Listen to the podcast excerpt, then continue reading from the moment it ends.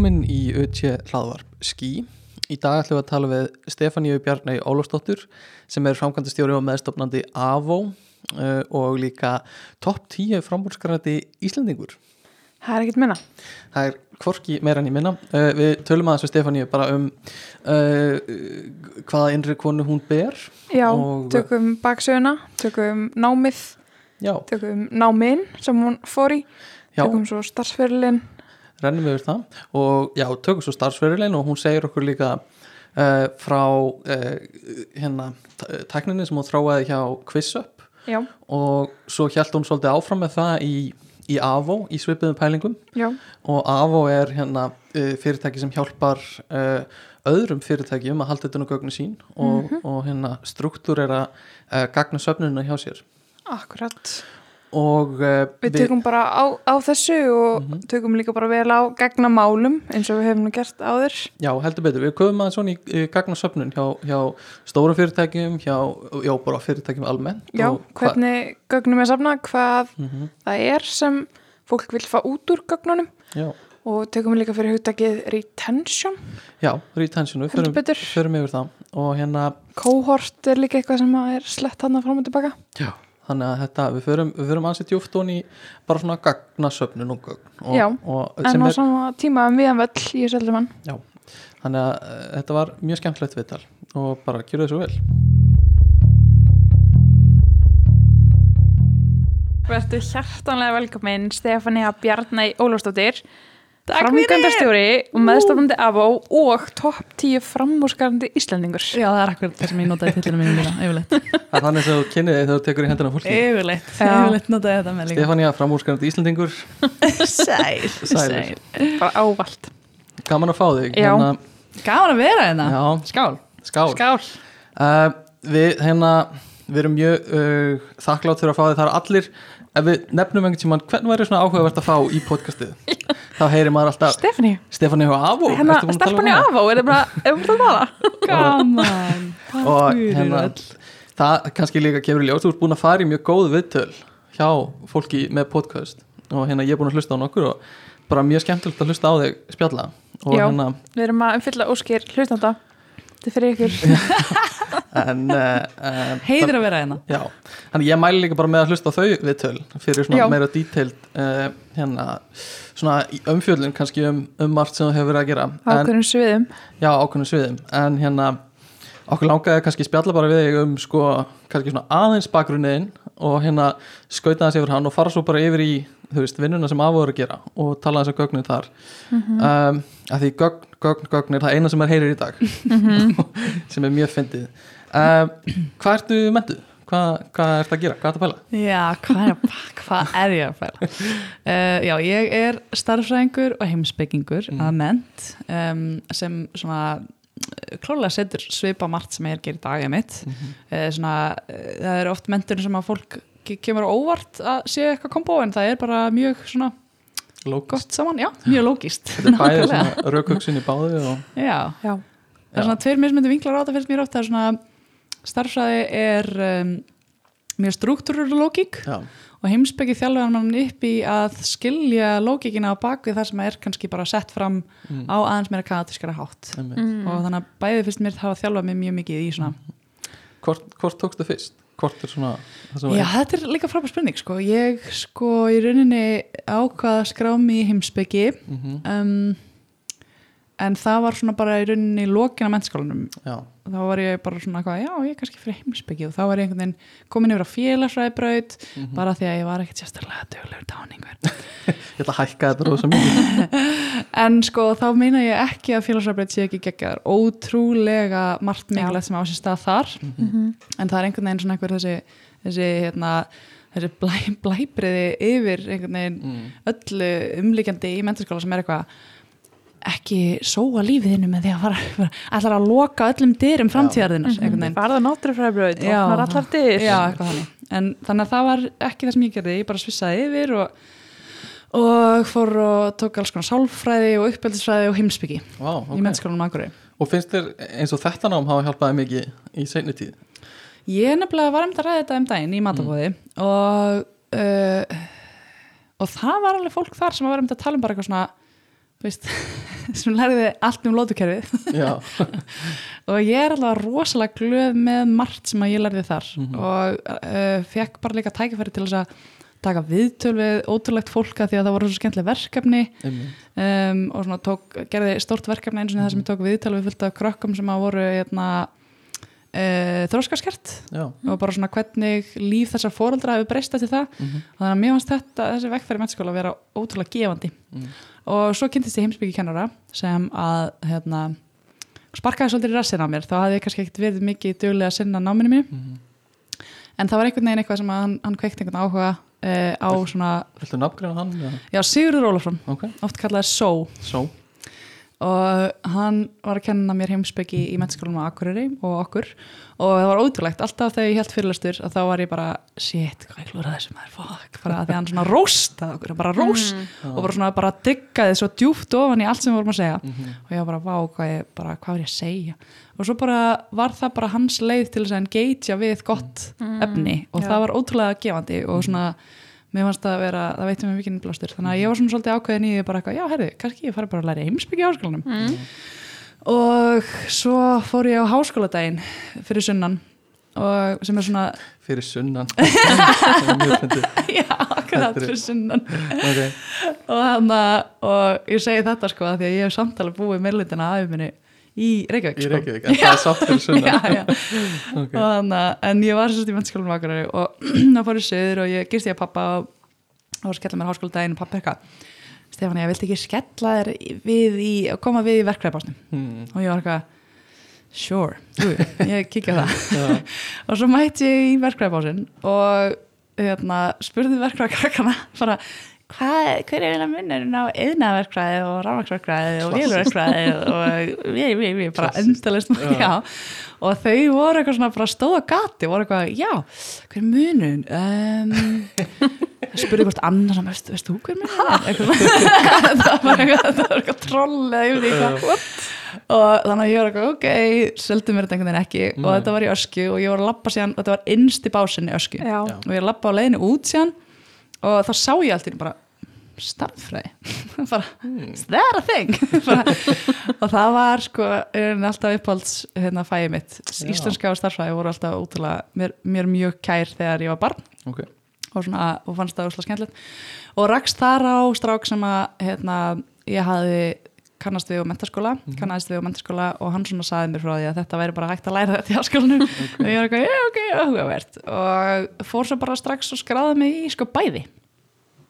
Já, sem að er sem að var þá, þá tók ég sem sagt í rauninni starffræði með heimsbyggi og heimsbyggi með starffræði já, ok og bara svona uh, tvenna einhvern veginn á sama tíma bara já, en þannig að tók það lengri tíma og tók það Já. fjögur ár Ok. af því að þetta var þá 120 mm. að báði já, já, einmitt í stend fyrir 180 hérna, veist, 120 af einhverju og svo 30 Já. eða 60 auka eða eitthvað.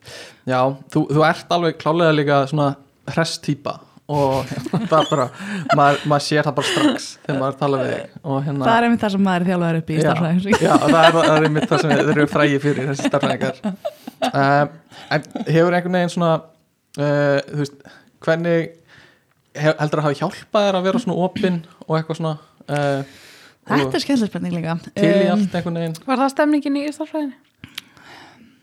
já, einhver leiti sko.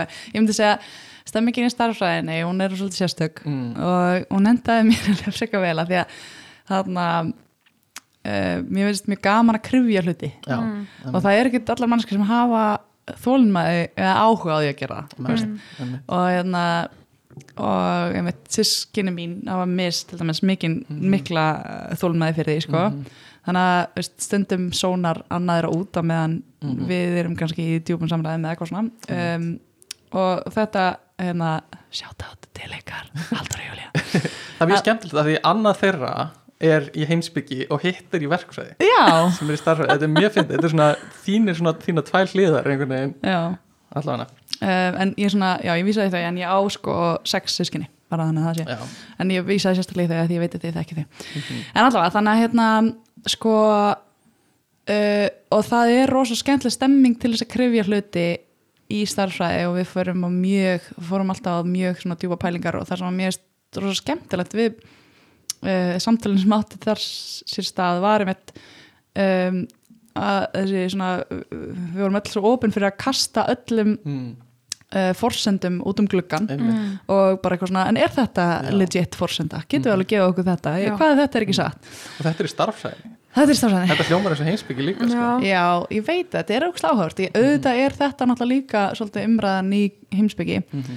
um, og það var rosalega mikið að klára fólki með mér í heimsbyggi líka um, en í rauninni þá fókusaði ég meira á starffræðina einmitt, kláraði hana eins og ég væri, fyrstu þrjú árin mín þá væri ég svolítið í starffræði með heimsbyggjum með aukafar. Ok, og síðan tók ég svona síðast árið þar sem að hérna, ég var búið með starffræðina og var það bara að taka heimsbyggi einmitt. Þannig í rauninni kannski hef ég miklu meiri reynslu af starffræði uh, kúltúrnum, starffræði námskúltúrnum Og hvað gerður þú hérna reitgerð í heimsbygginni? Hörru, þetta er náttúrulega reyndar ótrúlega frábær spurning sko. það sem að ég gerði uh, í staðan fyrir að gera reitgerð var að ég var uh, svo heppin að ég var eina af þeim síðustu til þess að fá að taka um, málstofu hjá Páli skúla sinni heitnum áður en að hann fjall frá. já, rektor fyrir þetta í háskólanum. Akkurat, og Ok. mikill heimsbyggingur og, hérna, og hann uh, var með málstofu eins og það heitir og ég veit ekki hvernig, hvað, hvað sem mikið það tók tíðkast í öllum þessum fögum í, í háskólanum, ábyggilega í mikið af svona hugvísinda sviðsbrautanum en það var ekkert þannig í starfsræði það var bara svolítið svona fyrirlestra form yfirleitt og það var sem sagt málstofa um ríki og samfélag og ég var svona komin á þann staðið mitt að ég bara þurfti að velja á milli þess að fara beint að skrifa rítgerna á meðan flestir nefnendur, samnefndur mínir í heimsbyggi voru búin að taka miklu meiri heimsbyggi í grunn. Og ég var bara eitthvað svona, hm, ég er eiginlega þyrst í meira, hérna, meira lærdom og var, er rosa glöð með þetta og þar skrifaði ég rítgerð uh, uh, undir handleyslu Pálskólusunar um, og þetta var sérst málstofa sem heitir Ríki og samfélag Mm. sem að mér finnst rosalega áhört koncept hvernig viljum við struktúra uh, samfélagið okkar og hérna, hver eru frumfórsenduna sem við getum gefa okkur hvar eru við, hvar eru við alls sammála og hvernig hefur við það að ganga út úr því og svo ritgerð fjallaði um svolítið hérna, hvernig getum við breytt svona uppeldis og samfélagsstruktúrum okkar þannig að uppkoma einstaklinga sé ekki háð fóröldraðra einmitt. Wow. það er allir sömu uh, tækifæri. Já. eiga allir að hafa þau. Sem er ótrúlega loðin skilgreining en Mm. já, það er Mjög svona, þú veist og það verður með alls konar kenningar og sem, það sem ég langaði að gera. Uh, ok, þetta, þetta hljómar eins og hafi verið með hafa mikið að gera þér í háskólanum. Varstu góðu síðan uh, sko ég er, er kannski svolítið, þú veist, heiti kannski naglanum höfuð á þannig að með hvort það hjálpa mér að vera opinn. Mm. sko ég er mjög ég er frekar kvatvís já, og þarna hef gaman að því og er svona fljóta stökkva á hluti Mhm. sem að getur mögulega skýrst af því að uh, ég flutti mjög mikið sem já, barn og bara svona hef búið mjög víða ég átti Mhm. mjög unga fóreldra já. og 30 sinnum heyrði ég einhvers já, nákvæmlega, ég var búin að flytja svakalega mikið. Góð research sama. Já, ég var búin að flytja uh, einhvern tíðan tókum við saman. Ég var, með, uh, var að tala tal, tal, tal, saman með mömmu held ég og ömmu og þá var ég ég búin að flytja með 30 sinnum áður en ég var búin að klára grunnskóla það er ótrúlegt. Áður en þú kláraði grunnskóla já, Ok, og þetta náttúrulega er ótrúlega flókja því að þú veist, fullt af fólki myndi á bóklega ekki telja mikið að þessum flutningum Mhm, sem flutninga sem skilgræningu en, uh, uh, en ég þarf annarkvort að telja þessa flutninga sem flutninga eða þá að ég þarf að telja einhver tímabil í lífi minni þar sem ég bjókverki já, ok, Já, ok. einmitt. þannig að þetta var bara svolítið svona hérna, og líklega út frá þessu byggði ég upp svona mikla aðlöunar hæfni varstu Mhm. alveg góð að pakka þá um, sko var alltaf hann erfi og fer eftir í hvernig maður skilgrunir pakka. Ok, það er líka, þú veist, kannski ekki með rosalega stóra búslóð þannig að Ég var endar einmitt rosalega á þessum tíma mikill uh, sapnari já, ok, Ok, kannski ok einmitt eitthvað svona, einhver svona vinkill í eitthvað svona að reyna að búa mér til svolítið nesting sem geti Já. fyllt mér við það. Mhm. ég, smak, sm- ég sapnaði svo alls konar dóti. Ég sapnaði meðal hans einna myndböndum mánarins ég átti sko sér hvert einasta tölublaða myndböndum mánarins yfir mörg ár og bara þegar það kom út þá var ég bara Gekja. og fleira miklu skrýtnar litur heldur en það líka. Mm, ok, við hoppum við það. Já, annar En- podcast fyrir það bara. Já, Já. nákvæmlega. En þannig get- já, sorry. Nei, bara þannig að veist, þetta svona eh, hefur held ég skilað sér í því að ég er kannski mjög ofinn fyrir því að prófa alls konar nýja hluti. Og það þýtti til dæmis annað til þess að svara þá spurningur sem varst með, varstu góður námsmaður? Um, ég svona tók það uh, eins alvarlega og ég tók Einmitt. svo svona bara make it work Make it work og en hlóð á mig þá alls konar aður, ykkur svona stúdendapolitikudóti og eitthvað svona Ok. okay. vera stýran með tveilæginu og stopnum hérna uh, hagsmennar samtæk stúdenda á nátt, náttúrufræði sviði sem heitir Eitthvað- náttverk. Já, stopnaði þú það? Já, eða var hann með, með, þarna, þessi, með nokkrum nefndfélagsleitöfum sem voru að kera það í gang með Mjög sviðsturum mjög skemmtilegt ferli og skrifum En til í dag, sko. Já, ég var, það verið gaman að sjá hvort að eitthvað grínir sem við skautuðum inn í aðaleglu félagsins síðan það til, það verið gaman Já, Já, og í hvað? Ég skellti mér í rösku sko. Já. ég var mjög hérna, skeptísk á að fara að taka þátt í þessu í mjög langan tíma. Um, en síðan svona bara eins og margt að þá snýst þetta líka einhver leiti bara um félskapin Jep. og eitthvað og, en þetta var rosa Fólk skemmtilegt. geður um námsbrytum, það er kannski Absolutt. það svona besta sem maður tekur út úr þessu ég. Já, þetta var ógætlega skemmtilegt. Þetta var bara alveg surprisingly skemmtilegt. Þetta var ógætlega margar góða ferðir og eitthvað svona tengt þessu það hljóma svolítið eins og snemma varstu áalveg réttur leið til að verða framúrskarandi Íslendingur. Og hérna uh, maður sér það alveg. En uh, í svona einpæling áður en við höldum áfram uh, það er brjálega að gera hjá þér myndi ég halda. Sennilega. sennilega uh, ég, Að, þ- ég vil ekki er, erum við ekki hægt að segja brjálega að gera? ó, jú, þú, þú hefur mikið fyrir stafni eða eitthvað, ég veit ekki hvað maður segir Ég dýrka sko, getum við sjátt á þetta hérna uh, Impro Ísland teimið og Kanari teimið sem gerði þannig auðlýsingandi fyrir virk sem var að gera allir sem er að lusta á þetta að gera Brjálega að virk gera. YouTube já. ógeðslega mikið af góða kontentið uh, en ég ætla ekki að ítum ekki undir álagsmenningu. Nei, ég ætla ekki að, en ég ætla bara að spyrja hvernig dílar við stress Hvað gerur til að slaka á? Ég um, fyrir í mjög löngböð en það er kannski ekkit endilega að stressa lífið því ég tek mjög oft tölvuna mína með mér Kósi vinnu sessjó. Æ, Já, mér er alveg svona mikilvægt En sko. þess Ég hvernig kúplar út samt? Ég vona samt, já, ég vona ég fá ekki, sko, lesa ekki hérna minningagrein um að hafa mist tölvur núna í baðu einhvern tíma Æ, ég er alveg vissum að, að mikið af fólki í kringum mér sem er ágjör að því mm. en ég held að þetta stimplist alltaf inn eitthvað svona hérna, uh, hvernig ég kannski er uh, svolítið, þú veist alveg til í alls konar áhætt Á þetta sækin. Tölvan í baðu Pjúra partur af því. Ég er svona þess mjög vissum að Hugi Hlinsson sem er að vinna með mér í AVO um, hann, hann mun fyllast svona, hann, mun bre- bresta fram svona svitaperlur á ennuna á hann þegar hann heyrir að M1 er að fara með mér í bað. Ó, ó, um, en hvernig, já, ég en, sko sorry, Já. M1 er sem uh, chipið, eða svona, uh, það sem er í Apple tölvunum, hérna, kuppurinn sem er þar, allana nákvæmlega, Fyrir fólk nýr sem er að- örgjur Dýrmætt, dýrmætt. En já, nákvæmlega. hvernig kúplar þið út? Fyrir okkur hinn. Eh, Já, ég sem sagt um, á stund með uh, mannarinn mínum, Jóa, besta manni í heimi sorry öllin uh, Ó, vel, sem að uh, á hverju mótni að þá uh, fá okkur kaffi saman og spilum á gítar sem er mjög Vá. ljúfstund og það var svona meðmæli meðal annars frá einum af fjárfestum Avo, James Lindenbaum sem stopnaði Heroku sem að er, var svona developer tól, einn fyrsta svona, svona SaaS cloud developer lausnin SAS, hvað er SAS Cloud? uh, software as a service er SaaS og cloud-based versus on-prem sem er þá þegar fólk er að hýsa hugbúnendin sjálft versus þegar það er bara lokað inn í eitthvað viðmót sem eru samt, þú veist, allt er að gerast í skínu skí allt í skíinu, gögn og skí og, um, og hann, hann hérna hefur fjárfæst í og þau hjá HeavyBit sem er svona stjóðurinn sem hann rekur þau fjárfæst í ótrúlegum developer tólum og mikill heiður að vera þeirra meðal eins og Stripe og bara eh, eh, PagerDuty og Circle CI og bara svona öll, öll sem eru þróarar developers.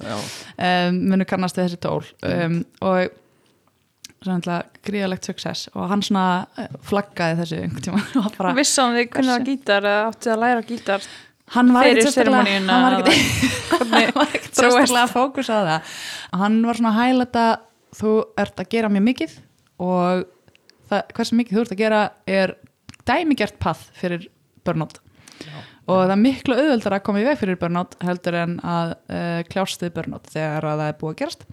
Og hann svona hvati mig til þess að taka bara reglulega um, að minnstakosti þrjusar sem í viku góð session þar sem að ég væri að gera eitthvað sem væri það intensíft að ég gæti ekki hugsað um Avo okay.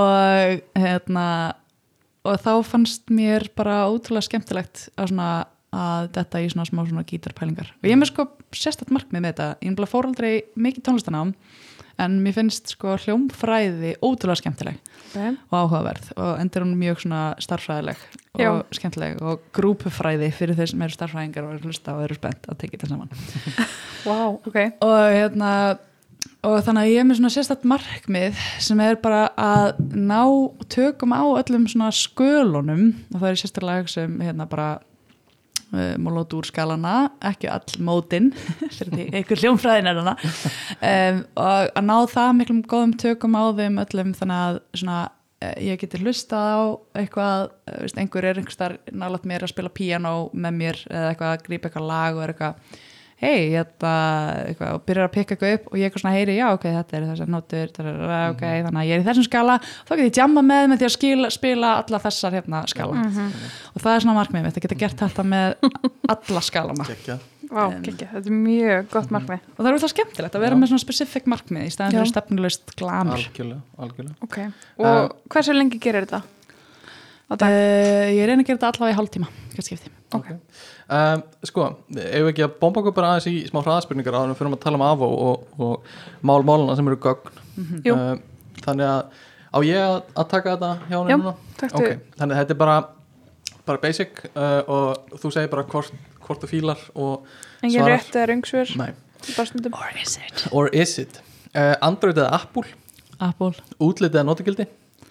Emmitt mm, sko mér finnst þetta að vera flókin spurning Mhm. en þú vilt að þetta sé hraðaspurning. Og Mhm. mér langar að svara henni heimsbyggilega mm -hmm. fyrstu, sem fyrsta svar langar maður að segja notagildi en mér langar að segja útlit er partur af notagildi. Ok, ertu aða B-tjúpa? sko ég hafna þessari skilgningu og vil kalla þetta uh, hvernig segir maður á íslensku? Morning, morning lark eða night owl. Ok, um, að því að A er á undan ok. Og implæjar að það sé Ég einhvers konar, skil. með einhvers konar þig. þannig að ég er náttúrulega þú ert náttúrulega mm -hmm. uh, náttúrulega og mjög heppilega vegna þess að ég vinn mjög mikið á San Francisco tíma. Einmitt. kaupa á netinu eða kaupa í personu hmm. sko, eitt uppáldum mitt er að fara í þetta eru hröðustu spurningar til heima Ég ætla þess að fara í bókabúður og skoða bækur en yfirleitt er svona kaupi ég, ég er svona kaupi frekar held ég oftar hluti á netinu en ég er samt líka mjög impulsív þannig að mér finnst mjög gaman að fara í búður ok, bíómyndir eða þættir? Fuck. Mm, Ég held þættir. Ok, hundur eða kettir? Mamma er korrugt, ég myndi held ég segja samt hundar frekar. Ok, Sókrates, Plato eða Aristoteles Wow. Ok. Aristoteles held ég. Aristoteles, þú ert ungi, ungi strákar. Uh, Nákvæmlega. Hvernig tekur þú kaffið? Svart, töluleikir eða borðspil? over, ok, töluleikir eða borðspil? Borðspil held ég. Uh, kaupamat eða eldamat? Eldamatt over ír, hirntól eða inn ír, hirntól uh, Different purposes en oftar in ear. Ok, snjallúr eða heimskúr Snjallur, taka fund eða senda tölupost senda post. Go to fréttamiðl New York Times. Ok, uh, lokuð skrifstofa og opið vinnur í mig um, Sko við erum remote first fyrirtæki og leggjum mikið upp á fókus þannig að ég myndi Mhm. líklega leggja til að svari þá væri loka vinnurými en við erum samt í opnu vinnurými. Ok, fjöldi skjáa í vinnunni? Einn akkur núna en null mjög lengi. Ok, semst bara fart, fartalan Já, út af því að ég þurfti að gera, vera adoptable við að geta unnið hvar sem er það vildi ég aldrei venja mig á að verða háð skjá. Mm. vinna á staðnum eða vinna heima Blanda báðu ok, hvað er passvortið þetta á engamál I not one. Uh, uppáhalds tónlistamannskja um, Ætli mig langi ekki til þess að segja Tom York. Uh, vinna fyrirhátt, bara fyrirhátt eða bara eftirhátti bara eftir að og síðasta hvort myndur þú ferðast 100 ár fram í tíman eða 1000 ár fram í tíman Hú. Ó, frábærspenning um, Ég myndi byrja á 100 árum Mm. og gera ráð fyrir að ég færi Einmitt. Uh, þetta gekk vel, við förum yfir þetta kannski pínu örveitið á eftir en ég var að stökkva aðeins í nokkrar forðunarspurningar bara eldsnögt uh, hvað er mest notað forðunarmálið þitt? historically líklega Python. Python. Uh, það er svona gagna, gagna forðunarmálið mm uh, PC, Mac eða Linux? Mac. Taps eða Spaces uh, Spaces ah, að það skulir Kommenta jafn óðum eða redda því senna Kommenta jafn óðum eða redda því setna Mm. Er það ekki svona sama máli? Svona, já, redda kommentanum setna Já, já Kommenta jafn óðum annars ef ég á ekki, ég á ekki sens Ok. okay. uh, Stack Overflow eða Stack Overflow ófló Klálega uh, Hvað er hérna gótu nafn á fyrstu temperatur sem hún notar? Vá, ok Ekki fúbar. Ekki fúbar. Ekki fúbar. Ekki Ég bara meik ekki okkur fólk notar alltaf fúbar. Ok, um, Ég held að ég sé með minnst af því að því að ég þól ekki óskýrar breytinum ok. Óskýr breytinum Þannig að þú reynir að sleppa því? Ég reyni að vera með relativ, er, relevant eh, hérna, breytinum Og svo erum við framöndaða bakendi En það er kannski Svona gagna sérfræðingar eru kannski ekki mikið Ertu framöndaða bakendi? Um, Já, ætli, að- það hallar allavega mjög mikið á að það er rosa mikið bakvinna en mér finnst skipta mjög miklu máli hvernig maður leggur það fram. Klálega uh, Takk fyrir að taka þetta Yes! Það er stærst eins og heitja uh, Þú ert, tegur kaffið svart og ert póróður Er þetta einhver svona serimónia hjá þér? Já, þetta er svolítið sérum Mér finnst það eins og það verði svolítið, svolítið serimónia Svona Já. póróður kaffi. Já, ég er með vikt og allt sko. Já. ok Hefur gaman að því að elda mat? Erstu mikið í því? Já, ég er mjög gaman að elda mat Er það eitthvað svona partur að því að, að stempla sig út? Eða? Sko, það væri það ideali en uh, málega er að kvöldmartartímin er svolítið svona uh, juicy tími í, til þess að vera að vinna sko. Já, þannig að ég er ofta að taka fundi svolítið yfir kvöldmartartíman Já. og er bara mjög heppin að eiga eiginmann já, sem uh, leggur mikið á sjátat til þín, sjátat nummer að minnstakosti tvö þá Ok. í þessum þetta, til þín Jói mm uh, sem að uh, eldar ótrúlega góðan mat fyrir okkur. Já.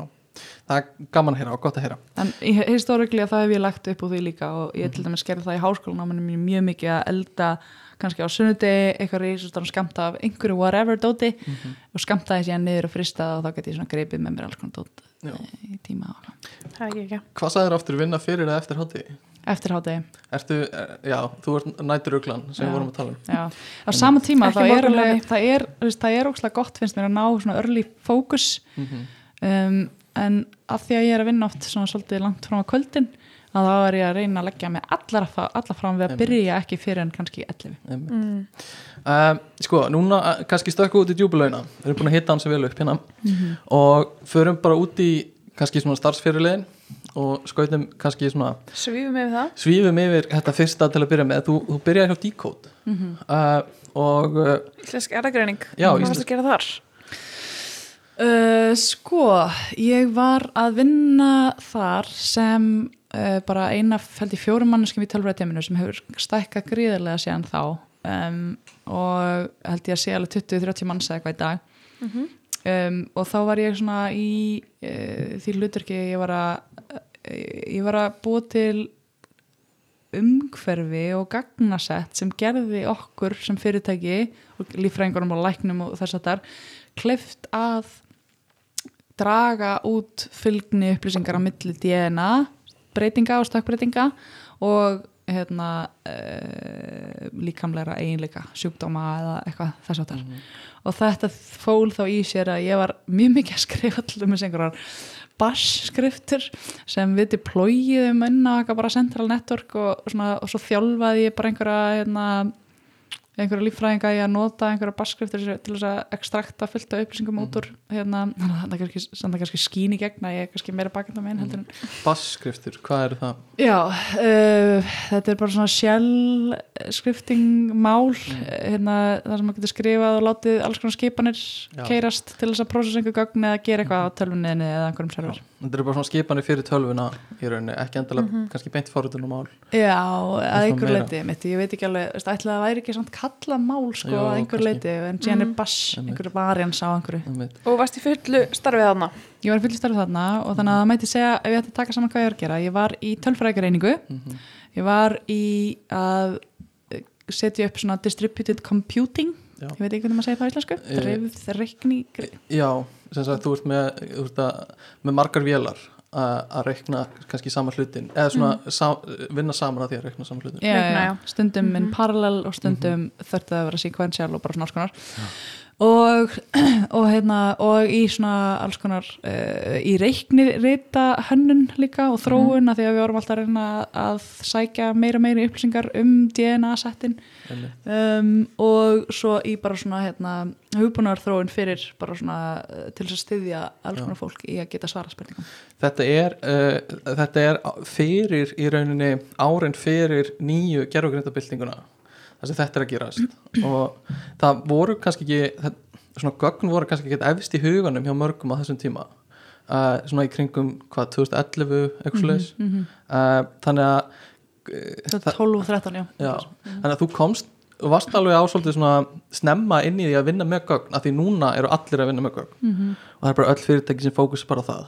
En þannig að þú veist, það var samfélagi, var það ekki minna hvernig var að vinna svona, þú veist, hefur tekið eftir miklu breytingum bara þessi tíu ár sem þú varst búin að vera að vinna í. Já, það er alltaf rosalega mikið breyting og ég meina, við getum líka bara að tala um þú veist, síðan það sem tók næst við Mhm. þá var ég að vinna með mikið af stórum gagninsættum í QuizUp um svona notenda upplifun Mm. og það bara var þekktist mjög lítið, það var bara einhver örfá fyrirtæki handfylliða fyrirtækjum, einhvern veginn sem voru að gera eitthvað spennandi á því, þeim, því sviði en núna er það bara orðið svona industry gold standard hérna, Einmitt. Það bara, þú ert ekkert að þróa einhvern hugbúna að þess að gera eitthvað svo leið sko. sérstaklega kannski líka uh, þetta með gögnin að díkot er náttúrulega að vinna með rosalega stór gögn mm. sem var líka bara, það var ekkert mikil þekking á því að nota og, og greina stór gögn Nei, þannig að þú hefur verið svolítið bara svona með hérna uh, bara á réttum stað einhvern veginn fyrir þessa þróun Já. og komið með þessa reynslu með þessi stóru gögn og hérna og maður notar ekkert þetta distributed þú veist, uh, algoritmana sem eru á mörgum vélunum og sérst með mikið af gögnum Já. þannig að þú hefur, þú er þú, þú þarft að gera það því þú með mikið af gögnum þá þarft að nýta marga vélar, þannig að þú hefur og computation bara aflið á tölvunum líka var bara annað á Já, þessum tíma strax sko. einmitt. það, því hefur líka flekt rosalega mikið fram og geimslupláss og bara allt þetta Mhm. dót sko, er bara þvílíkt signifikant breytingar á þessum tíma og frá því að ég endaði uh, þá, frá því að ég hætti þar 2013 til þess Mhm. að fara hérna, reyndar með stutta viðkomi í mastersnámi og síðan yfir í hérna, QuizUp Mhm. að frá því þá og þannig til núna að það bara veist, einu sinni komst gagnasettið yfir DNA-ið hjá einni mannesku ekki fyrir á USB-likli einmitt, og núna er það bara er ekki, það, er ekki, það, er ekki, það er ekki sama vandamál í gangi. Eh, það, var áhugavert sem félagi minn var að, vinna hjá uh, Díkot núna, núna. Og hann er að segja sko að innra kerfi þeirra er ekki tengt við umheiminn. Mhm. var það eins hjá þér. Þannig að hann er að vinna tölvu sem er ekki nettengt sem gerir svolítið erfitt að googla vandamáli sín. Já, akkurat, það var að segja það var, ég held, ef maður rétt, það vorum við með við þurftum að ef við ætlum að vinna á innanætinu þá þurftum við að eh, hérna, VPN okkur inn á það eða SSH okkur inn á okkur vélar mm -hmm. en ég var nú alveg með aðgöngu á interneti ok, ok, sko. Stakka úflög kom mjög mikið til björgra Já. viðurkenni það alveg uh, en Það því ég lærði það fórið hana sko, ég hafði ekkert það innan er það, er það? Já. Og, og var Python þá fyrsta sem þú tókst í? Python og Bash, já Já, Var það ekkert kent í starfræðinni þetta? Var Já, MATLAB var kursið eitthvað, já, matlab og já eða eitthvað? Já, eitthvað erðdótt, já Uh, þetta, er, að- þetta er svona tölfræði, star, starfræði Já, fórðunum Mhm. um, Ok, en, og þú kíkist upp í Mastersnám, hoppaði yfir í QuizUp mm og hvað varst að gera þar? Varstu með eitthvað titil? uh, Fyrst bara gekkið til þessi fyrirtækið sem svona uh, bara analisti, bara data Ok. analisti ráðin af uh, CFO-unum fjármælastjórunum sem að bara þurfti að uh, skila skýslum til stjórnarannar um bara hvernig að því að þetta var einmitt, QuizUp var svona sprakk út á þeim tíma þegar uh, vísi fjárfestar uh, þetta er nýja íslenska orð vísi fjárfestar í Silikondal, í Kísildal þau voru svolítið að fó fókusa á bara þetta svona Facebook og Instagram mótel þar sem að þú sapnaði rosastorum notendagrunn hérna, og byggðir upp notendagrunnin Mm -hmm. Og síðan fannst út úr í setna hvernig þú ættir að uh, svona skapa tekjur uh, út frá þessu. Og þannig að stjórnin hjá fyrirtækinu var strax alveg farin að pæli og farin að velta fyrir sér svona hvernig var eiginlega notenda upplifunin og hvernig var, voru tölur eins og retention og lifetime value og alls konar svona hlutir og þannig að, og þannig að þetta var orðið svolítið svona, þetta var orðið mindset. Mhm. Það Þið fyrir kannski betur onni hvað retention er og eftir. Ég bara hérna Mhm. eh, hald, haldið í ykkur sem eru að hlusta. Það eru margir spenntir, ég er búin að peppa fólki sko.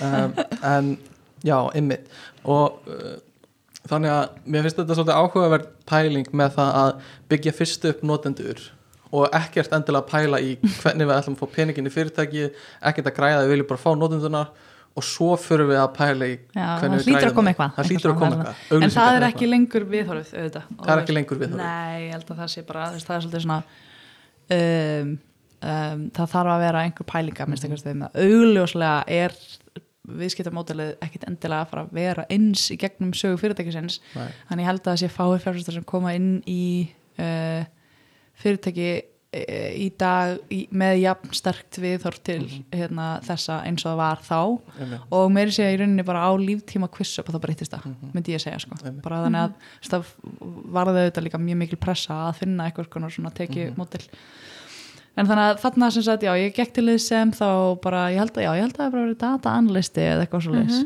og um, og var það bara ráðin inn til þess að reyna að svara spurningum eins og af hverju eru sömur notendur að spila fimm leiki í fyrsta sessioninu sínu og af hverju eru sömur notendur ekki eins og sem komast í gegnum onboarding flæðið og af hverju eru sömur notendur að koma aftur dag eftir dag og af hverju eru sömur notendur bara prófa bara eins og gera aldrei neitt aftur. Og uh, hvernig var sagt, staðan hjá QuizUp á þessum tíma? Voru þau að sapna gögnum? Þurfti þú að setja upp kerfi til þess að sapna gögnum fyrir þau Já, það var bara svona bland. Þegar ég gekk til liðs við fyrirtækið þá voru nokkrir svona iOS eh, eða fyrir iPhone, iPhone forðarar. Ég veit ekki hvað átíðans verið með I- iOS, er það ekki svolítið legit? Jó, held það. eplaforðurar Apple forðarar. eh, þau voru búin að henda upp nokkrum evendum inn í eh, tól sem að heitir Mixpanel Já, sem eru svona Product Analytics tól en hétt það ekki eins og þá nei og þetta var svona áður en held ég hugtakið Product Analytics sem er orðið mjög normalisir Mhm. núna áður en það var orðið svolítið normal þau eru bara að henda upp einhverjum svona gagnapunta Mhm. log, log, log, logum svona Já, bara log, fylgjast með einhverju sem gerðist eða einhverju sem notandinn gerði nákvæmlega bara taka hans Mhm. aksjónpunta eða eventa eða framkvæmt já. Og svona og geima það já, setja upp einhverja gagnapunta fyrir það þannig að við getum verið að tellja einhverja basic hluti Mhm. Um, en spurningarnar voru samt bæði miklu flóknari heldur en gagnin sem við hefum sett upp fyrir og líka þau voru kannski bara ekkit alveg uh, veist, vel struktúrur til þess að geta svarað þessum spurningum og kannski ekki einu sinni alveg coveruðu kannski ekki alveg allt uh, veist, sem notendin var að gera sem tengdist einhverju ákveðinu aksjóni þannig að þetta var svona þetta var, þetta var ótrúlega mikilvæg byrjun sem þau hefðu stíðið þarna áður en að ég gekk til þessi fyrirtækið um, en það vantaði ennþá rosalega mikið upp á upplýsingarnar sem við gætum fengið út úr þessu. Þannig að ég varði miklum tíma þá í að bara hakka saman einhverju upplýsingar úr þessum gagnsættum uh, með alls konar tólum bara og líka sækja upplýsingar úr alls konar öðrum gagnagrunnum sem voru ekkert endilega sérstaklega fyrir gre greiningar tilgang, þau voru kannski bara gagnagrunnið sem ráku appið.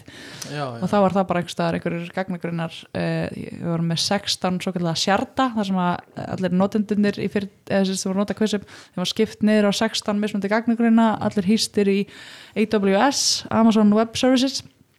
Og, og þá þurfti ég að óska eftir því að vera með eitthvað aðgang að einhverjum replikum, replikum af þessum gagnagrunnum þannig að ég geti verið að hverja og safna saman einhverjum upplýsingum.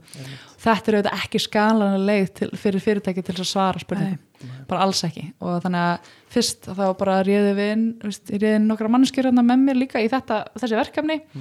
Um, en á endanum líka þá fórum við bara niður þá vekkferð að reyna að uh, sko endur struktúrur og svolítið gagna öflunum okkar og kerfin okkar sem við erum að nota þannig að uh, við værim að færast nær svona því sem er oft kallað self-serve analytics þar sem að hver sem er í fyrirtækinu getur farið bara og reynda að svara þessum mikilvægastu basic spurningum já. sjálf án þess að býða í tvær vikur eða eitthvað eftir einhver, einhver analisti geti svarað þessum spurningum með einhver sérfræðingur, gagnar sérfræðingur geti komist í þetta, kannski. Og Og þið sem- fóru þá já, sorry, klóru, ok og þið fóru þá í það bara að byggja upp allt þetta kerfi til þess að geta nota bara innan hjá ykkur kannski af því það var ekkert annað til sem, eh, sem einhver annað veist, þjónustan sem við komum kannski inn á eftir hjá AVO það var enginn svoleiðis þjónusta endilega til þannig að þið tókuðu það bara upp á okkur að byggja þetta sjálf mm -hmm. uh, sem sýnir líka bara hvað þetta var snemma í þessu, þessari gagnabildingu sem var í gangi á þessum tíma Já. og en hvernig, þú veist hvernig finnið þið út úr því hvaða upplýsingar skipta máli til að svara þessum spurningum? Af því þetta eru stóra spurningar. Já. bara eitthvað af hverju hættir þessi notandi fyrr Mhm. og hva- þú veist, er það út af því að liturinn er græn eða eitthvað svona, veist, hvernig, hvernig færðu svar við þessum spurningum út frá bara tölfræði á því hvernig er ítt að taka? Og Já, akkurat. Og eru þið líka þá að koma með svör við öllum þessum spurningum og þú veist kannski nýja lausnir til að breyta. Já, Þú veist hversu langt var ykkar teimi að ganga í þessu? Ég man allavega eftir því að eitt af fyrsta sem Steini, stofnandi hérna, hver sem sagði um mig, var þú berði ábyrð á retention. Og ég var bara há, bara veist, að því að ég vissi bara að ég hefði þetta í rauninni enginn þannig sé áhrif á hvað við verðum frá að smíða næst. Um, en auðvitað vissi ég líka að ég gæti haft áhrif á það bara með því að koma með kenningar og Já. svör við alls konar spurningum Þetta Hvað er retention samt? Hvað er retention? Já. Er skilgreiningin á retention er uh, svona uh, bara hvernig fólk uh, það- þetta er svona nafnorðavæðing á retain þannig að þú helst Mhm. áfram í rauninni og retention er þá svona í rauninni hlutfall skilgreiningin á því að veist, kannski uh, verður til einhver, einhver hópur af notendum eitthvað kóhort af notendum sem gerir eitthvað ákveðið til dæmis skráir sig uh, í vikunni fyrst, fyrsta mars til 7. mars eða eitthvað og svo segjum við að þess, þessi notendahópur sem skráði sig það er svona born kóhorti Ok. hópurinn sem fæðist inn í eitthvað kóhort og þá mælum við hversu lengi og hversu mikið hlutall af þeim kemur það aftur í viku 1 ef við Mhm. kallum þetta viku 0 og svo kemur hversu margir koma aftur í viku 2, viku 3, viku 4 og svo er þetta skilgrana þetta út frá vikutímabilum, út frá dagstímabilum, út frá mánatímabilum og þetta skilgrana hvað þýðir það að koma aftur. Er það það að opna appið eða þarf það að spila leik? Og það er þetta skilgrana hvernig fæðistu inn í eitthvað kóhort erum við að horfa á einhver ákveðin tímabil og erum við að horfa á ákveði aksjón fæðistu með því að spila leik í einhverju ákveðinu kvissi eða fæðistu með því að skrá þig í quiz-up svona alls konar svona. Þannig að þetta er uh, retention var, þetta var einmitt eitt það erfiðast að fannst mér við bara að vera að byrja á þessari vekkferð á þessum tíma. Ég fekk bara einhverja fyrirspöld frá stjórninni sem var bara, hvað er retentionið? og ég var bara, ok, maður sjá, hvernig skilgrunum við ter- Hvað er retention, hvað er retention? langt á milli þess að gera hvað? Þú veist maður alveg já, og þá er náttúrulega bara það upp uh, undir, eða þá er það bara þá, þá er það undir hverri stafrætni vöru komið að skilgruna hvernig þau mæla retention. Eða tíma milli eða er það tíðni á x tíma eða Já, það er alveg svona einhverja fastur faktorar en ég held að aðal breytingin sem að fólk er að horfa til er svona hvernig verður born kohorti til og hvernig verður return kohorti til. Og svo ertu að horfa á marga mismöndu útgöður þú ert að horfa á kannski, veist, hvað er day 1 retentionið hvað er day 7 retentionið hvað er day 30 retentionið? Hvað er month 5 retentionið? Og þá ertu með einhverju svona líkil indikatora um bara hversu ef þú ákveður að fæðast inn í appið, skilur hversu líklega ertu til að vera þar áfram eftir fimm mánuði. Og því að það auðvitað mun skila sér sem uh, svo kallar leading indicator þar að segja, þú veist, það, það er svona stýribreyta inn í svona lagging indicator eins og revenue, skilur við Já, og munurinn á leading indicator og lagging indicator er að veist, það, kemur, það kemur ekki endilega í ljós strax út frá hérna gróða fyrirtækisins eða revenjúinu hvort, hvort þú ert að gera góða hluti. Semst, að því það getur verið kannski ár eða eitthvað ég þú fóru að sjá almennilega tölur eða góða tölur frá, frá hérna hagnaðinum en þetta kemur strax, þú sér strax Já, við Hérna. gefum út einhverju vöru og sjáum bara strax herri, þetta hafði mjög jákvæð áhrif einmitt. á day one retentionið Einmitt. og þetta hafði jákvæð og svo sjáum við sjötugum setna þetta hafði jákvæð áhrif á day seven retentionið það Já, er já. mjög áhugavert að geta séð það þú gerir einhverja smá breytingu og sérð svo bara strax hvort það er að hafa áhrif. Va, fannstu fyrir því, var þetta alveg svona spontan sem þú gast séð Uh, já, það var alveg klárlega veist, fullt af tilhörun líka sem við fórum í gegnum sem að veist, voru ekkit endilega uh, voru kannski bara, hafði ekkit svo mikil áhrif á retentionið en hefði kannski áhrif á samt eitthvað á annað þú veist. einmitt. um, og svo voru líka hlutir sem hafði kannski neikvað áhrif Mhm. og síðan eru hlutir líka sem að maður fattar ekki hversu mikil áhrif það hafa fyrir kannski eftir 2-3 mánuði þegar komum Einmitt. miklu lengra þannig að og þá vorum við yfirleitt að setja þetta svona vörubreitingar upp með svo kallum svona það er kallað oft AB testing eða split testing eða eitthvað svoleiðis og það er svona mm -hmm. trend núna, fólk vill ekki kalla þetta bara AB testa því það er fleiri, miklu fleiri heldur en A og B grúpan Já. það er eitthvað Mm. experimentation fullt af meiri dóti í gangi þannig að það er svona mismandi virkni sem er verið að prófa fyrir mér stóra hópa þannig að það er Yes. ekki allir sem fá nýju virknina upplifun. Mhm. heldur er það að skoða hvernig ný virkni hvernig er það að færa playtakkan til hægri eru fleiri í og þar Já. Alls konar svona test Passar, akkurat Einmitt. Það stemma. Já, það stemmar já, við töluðum að sem þetta í, við, í þættinum við hann hérna Tryggva hjá Spotify. Já. tryggver algjör sendingur. Algjör snillingur. Þið, þú þekkir Já, Tryggva ég tekið tryggver okay. Eh, það þekkjast allir hérna í þessum Já, hérna já, já, já, ok, og þú ert í að quiz up Mhm. í alveg nokkur ár. Mhm. hvernig varst að fíla menninguna? Ertu en þá að sækjast í að viðhalda menningu sem var þar eða svona hvað tókstu með þér helst það Já, það er ótrúlega frábært spurning sko, uh, Já, ég var hjá Quiz Up í þá, ég man ekki, þrjú, fjóra ára eitthvað svo leis og samkvæmt LinkedIn þrjú ára og tvo mánuði. Mjög gott, mjög gott. Mín helsta heimild í lífri Já, akkurat, mikla heimild. Um, Sko, og það var náttúrulega ótrúlega inspirandi tími og það sem að var, það sem að eitt af því sem Steini gerði mjög vel var auðvitað að byggja mjög náinn kúltúr. Mm -hmm.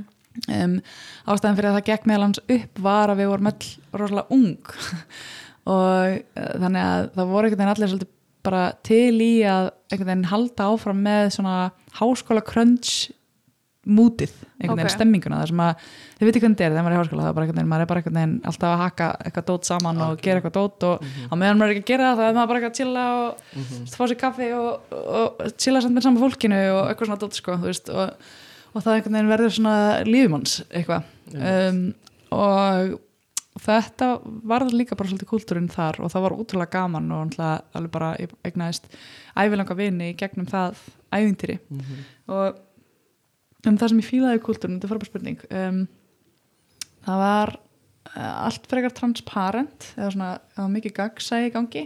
Og meðal þeirra sem að svona kerðu áfram góðan kúltúr í því var hérna góðvinni minn Gunnar Holmsteinn líka sem að hafði á þeim tímpúndi áður selt fyrirtæki, sitt klara til bandarækjana og kom heim með alls konar svona eh, stóra sín um hvernig hann ætti að struktúra fyrirtæki og tók við sem, COO eða rekstrastjóri og það var rosalega gaman að vinna með honum og ég lærði mjög mikið af honum. Um, og, og hann stóð sig mjög vel í að svona byggja upp einn kultúr einmitt þar sem það var bara uh, þú, þú veist, það var ekki top-down kultúr veist, auðvitað þarf alltaf að vera vision og það þarf alltaf að vera einhver sem stýrir fyrirtækinu, ég er ekki að segja að það sé ekki til stað, Einhver þetta sé bara stefna. demokrasja, mm þetta er ekki eitthvað þannig.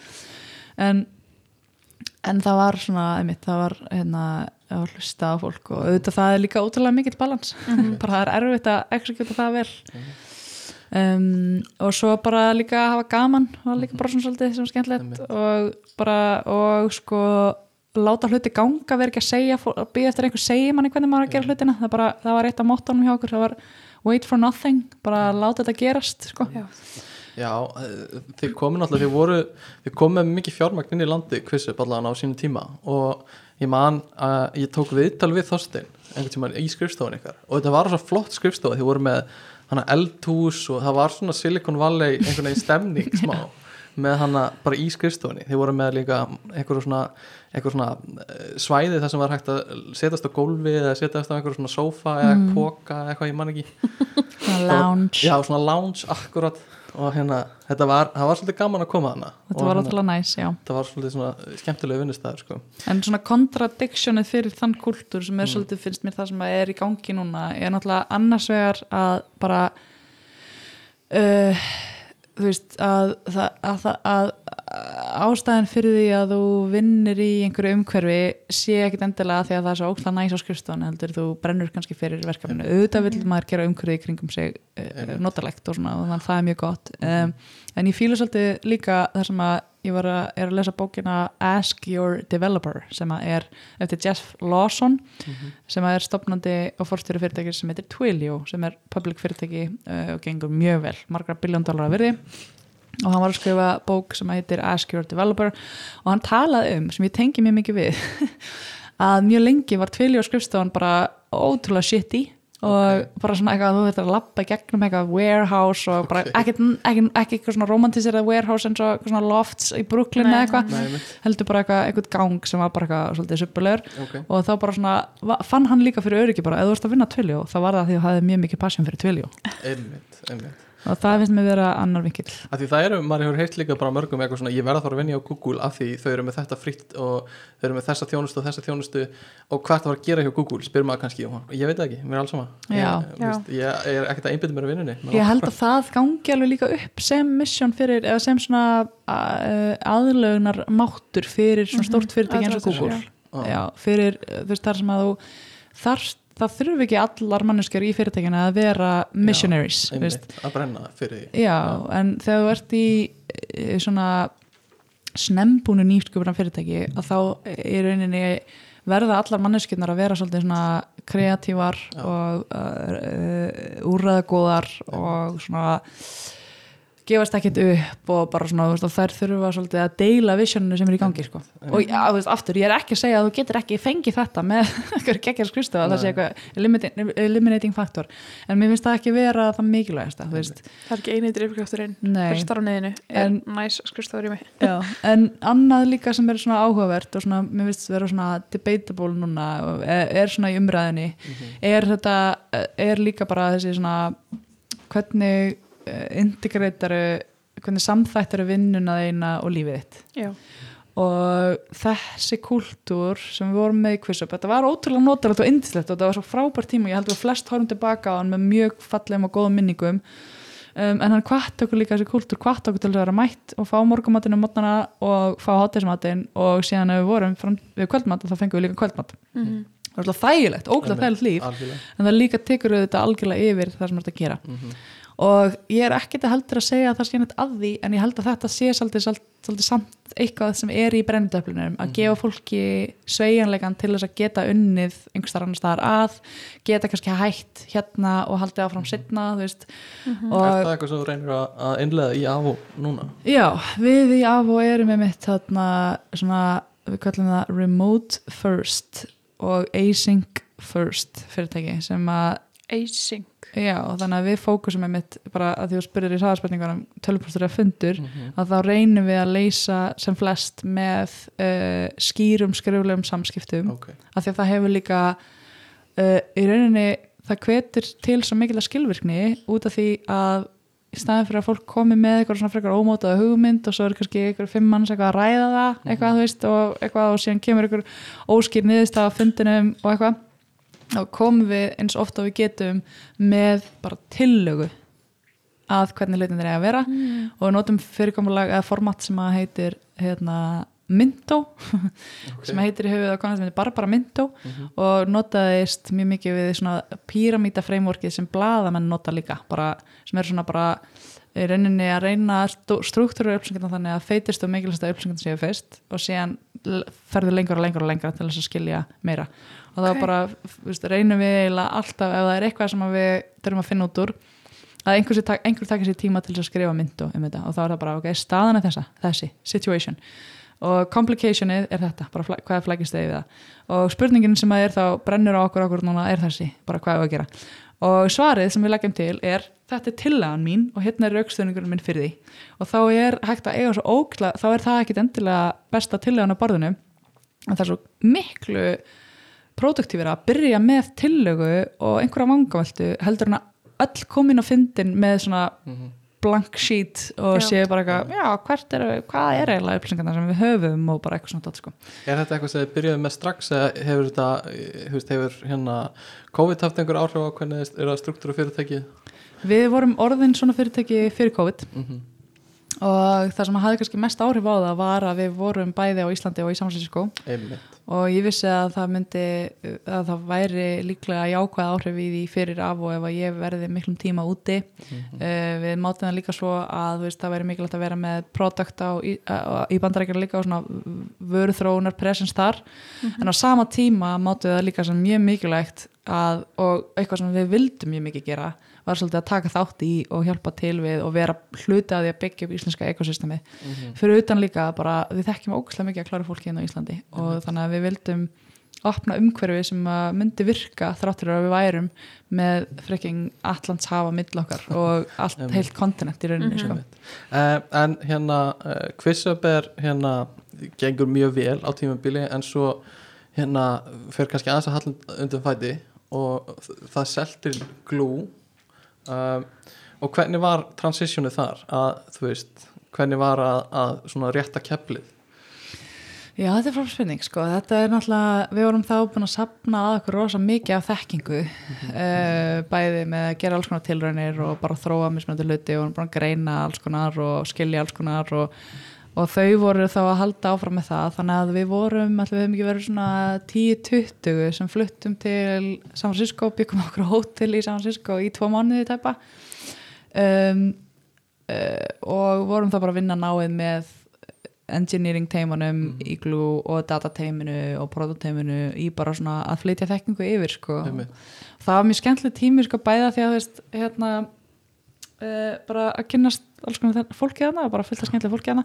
En líka bara ótrúlega skemmtilega svona kapli til að loka, veist, það fór ekki allir með en það var samt, veist og uh, hérna, en það var samt ótrúlega skemmtilegar hópur. Já. og við bara nýttum tækifæri til að líka, við fórum og skoðum Yosemite og bara fórum í alls konar roadtrips og rosa skemmtilegt. Það, þú, þú talar eins og þetta sé hérna, með mjög jákvæðan tilfinningum. Var það, ég myndi mér þetta myndi hafa verið erfitt einhvern veginn eftir allan enn tíma. Já, það- að segja skilið. Já, að segja skilið, eða varstu bara spennt við því sem var að koma að taka við? Já, ég sko, þetta er náttúrulega ótrúlega frábær spurning sko, þetta var alveg svaka vegferð að taka almennilega gegn svona gagna bæði infrastruktúrin og gagna kultúrin okkar í Kvisup og það var rosa skemmtilega vegferð og er náttúrulega svona kveikjan að því sem við erum að gera í dag. Um, en það var alls ekki auðvelt og, veist, og hérna ég laði rosalega hart af mér, ég gera það. Og það var mikið að hindrunum á leiðinni og við þurftum að leysa rosalega mikið af flóknu vandamannum bara til þess að búa til hennan self-serve analytics kultúr þar sem fólk getur svara sínum spurningum og veist, uh, ég tala oft um í af og líka tala ég um svona gagna læsi líka gagna gæði og gagna aðgengi og gagna svona uppgötvan líka. Bara allir þessir faktorar þurfa að vera í svo góðu lægi og þú ætlar að vera með fyrirtæki þar sem fólk getur verið að svara spurningum. Veist, það, þarf að, það þarf að vita gögn, gögn þurfa að vera áreðanleg fólk þarf að vita hvað það getur fundið og það þarf að skilja hvað þú veist, mismunandi upplýsingar þýða og hvaða áhrif það hafa á businessin.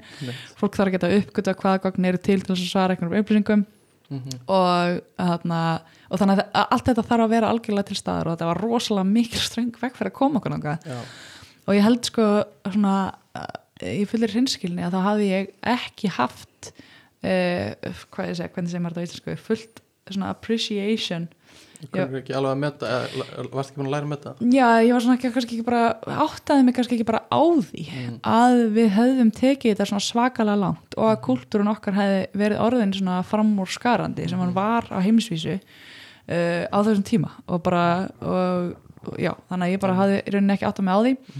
Og þannig að ég, þegar, þegar ég kláraði quiz up þá var ég í rauninni persónulega bara svolítið bara eitthvað svona ég mun aldrei aftur vinna í gögnum. Já, ok. Var bara það, bara nei, ég mun ekki taka með svona hlutur ég ætla reyndar að skrifa bók um þetta. Og byrjaði svona að skrifa eitthvað bók og svo byrjaði eitthvað svona að ráðgefa einhverju nokkru fyrirtækjum og svona. Um, bara svona sem voru svona leitið til mínum alls konar ráð. Og, það voru svona við vorum mjög lánsum flest sem að vorum að að við fengum Mhm. góð tækifæri í kjölfærið og svona. Og, og það var alveg svona spennandi tækifæri sem að opnuðust uh, sem hefði ábygglega verið skemmtilega vegferð en, í öllum við þeirra þá sá ég bara fyrir mig bara nei guð minn almáttur, önnur svona kvissabæðferð, neip Nei. og þannig að ég var svolítið bara þar sem var ótrúlega áhugavert og bara svona rosalega til í nýjan kabla um, og við vorum nokkur sem að vorum svona ræða hvort við ættum að fara að stofna nýtt fyrirtæki og ekki fyrir mér þá var þetta bara svolítið spurningum einmitt bara ég ætla að taka sem að bríðir uh, ok, jú ég til í líka að prófa einhverja að sta- að starta nýjum businessi. Mhm. ég er ekki tilbúin að eh, bara hérna, samþykja eitthvað starfstilbúð frá einhverju stóru fyrirtæki að taka yfir gagnadóti. Einmitt.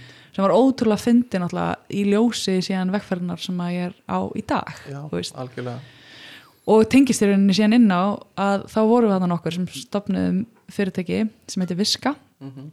uh, og nokkur, nokkur vinur hversu gerum það og sem byggir í rauninni á hugmyndu hversu við vorum að leikja væða smáþjálfun fyrir eh, starfsfólk. Já, ge- getum við að til þess að er það fyrir önnur fyrirtæki sem ráða ykkur og þeir hjálpið þá þessu fyrirtæki að, að leikja væða einhverja þjálfun innan Fyrir- þess fyrirtækis? fyrir þeirra starfsmenn þá? Já, nema eh, rauninni ráða okkur ekki, við erum ekki í svona verktaka ekki þannig, Ok. við bara smíðum hugbúnað Ok, app sem ok. að gerir og sagt, vef umhverfi fyrir fólk sem þarf að sinna þjálfunni ok, og svo app fyrir starfsfólk sem að uh, skilur uh, skil. knowledge retention. Var einmitt eitt sem við þróðum þar, bara hversu lengi helst þekkingin og hversu oft þarf þetta að fara gegnum efni til þess að það festist í minni og svona. Ok, um, og þróum þessa laust alveg slett áfram. Og svo var það einmitt og þegar ég stopnaði þetta fyrirtæki með vinnum mínum þá saði ég mér snemma við þau bara, bara þannig sem hreinu ég ætla ekki að eiga gögnin í þessu fyrirtæki sem er ótrúlega auðvitað, auðvitað svona einhver leiti frá svona hérna, næstu ábyggla bara dílbreykar þau ábyggla bara eitthvað ha, en, býtu, en þú kannt það? Sem við fyndi. En allavega og þá, þá tók okkur mjög stuttan tíma sem sagt, tók okkur ekki nema fimm mánuði af vöruþróun á visku að shipa síðan uppfærslega vörunni sem var byggð á raungum notenda upplifunar gögnum. Það er, það hefur verið svakalegt örgulega að komast að því. Já, það var rosa mikið bara svona í rauninni bara svona ég bara, fekk bara svona högg í magan ég svona, uh, ég þurfti bara að fara heim Einmitt. dag, ég, ég, bara, ég mun ekki ég, ég mun ekki vera kurtis við samstarfsfólk ég ég hugsaði bara að þetta verður alltaf brotið að meðan ég er að vinna í einhvern veginn stafræðinu vöruþróun og djöfill sakkar þetta mikið. Og, og það var svolítið svona einn af tryggarunum fyrir bara eitthvað ég trú ekki að þetta sé bara veist, það getur ekki verið við þurfum aftur að smíða allan hann infrastruktúr og gera, leysa allar þessar hluti sem við gerum og það var að einhver leiti svona svolítið því sem að hérna, Mhm. og í rauninni frá teiminu sem að ég var að vinna með þá sem að kerði það líka að hluta til áfram bara, heyrðu, getum við ekki gert eitthvað í þessu sko. Mhm. Þannig að, þið hérna uh, uh, já, það sem eins og þið töluðu svolítið vel um í einu öðru podcasti, þið pivotuðu mm. uh, tóku stjórnuskref og hérna, Stjörnuskrif, já.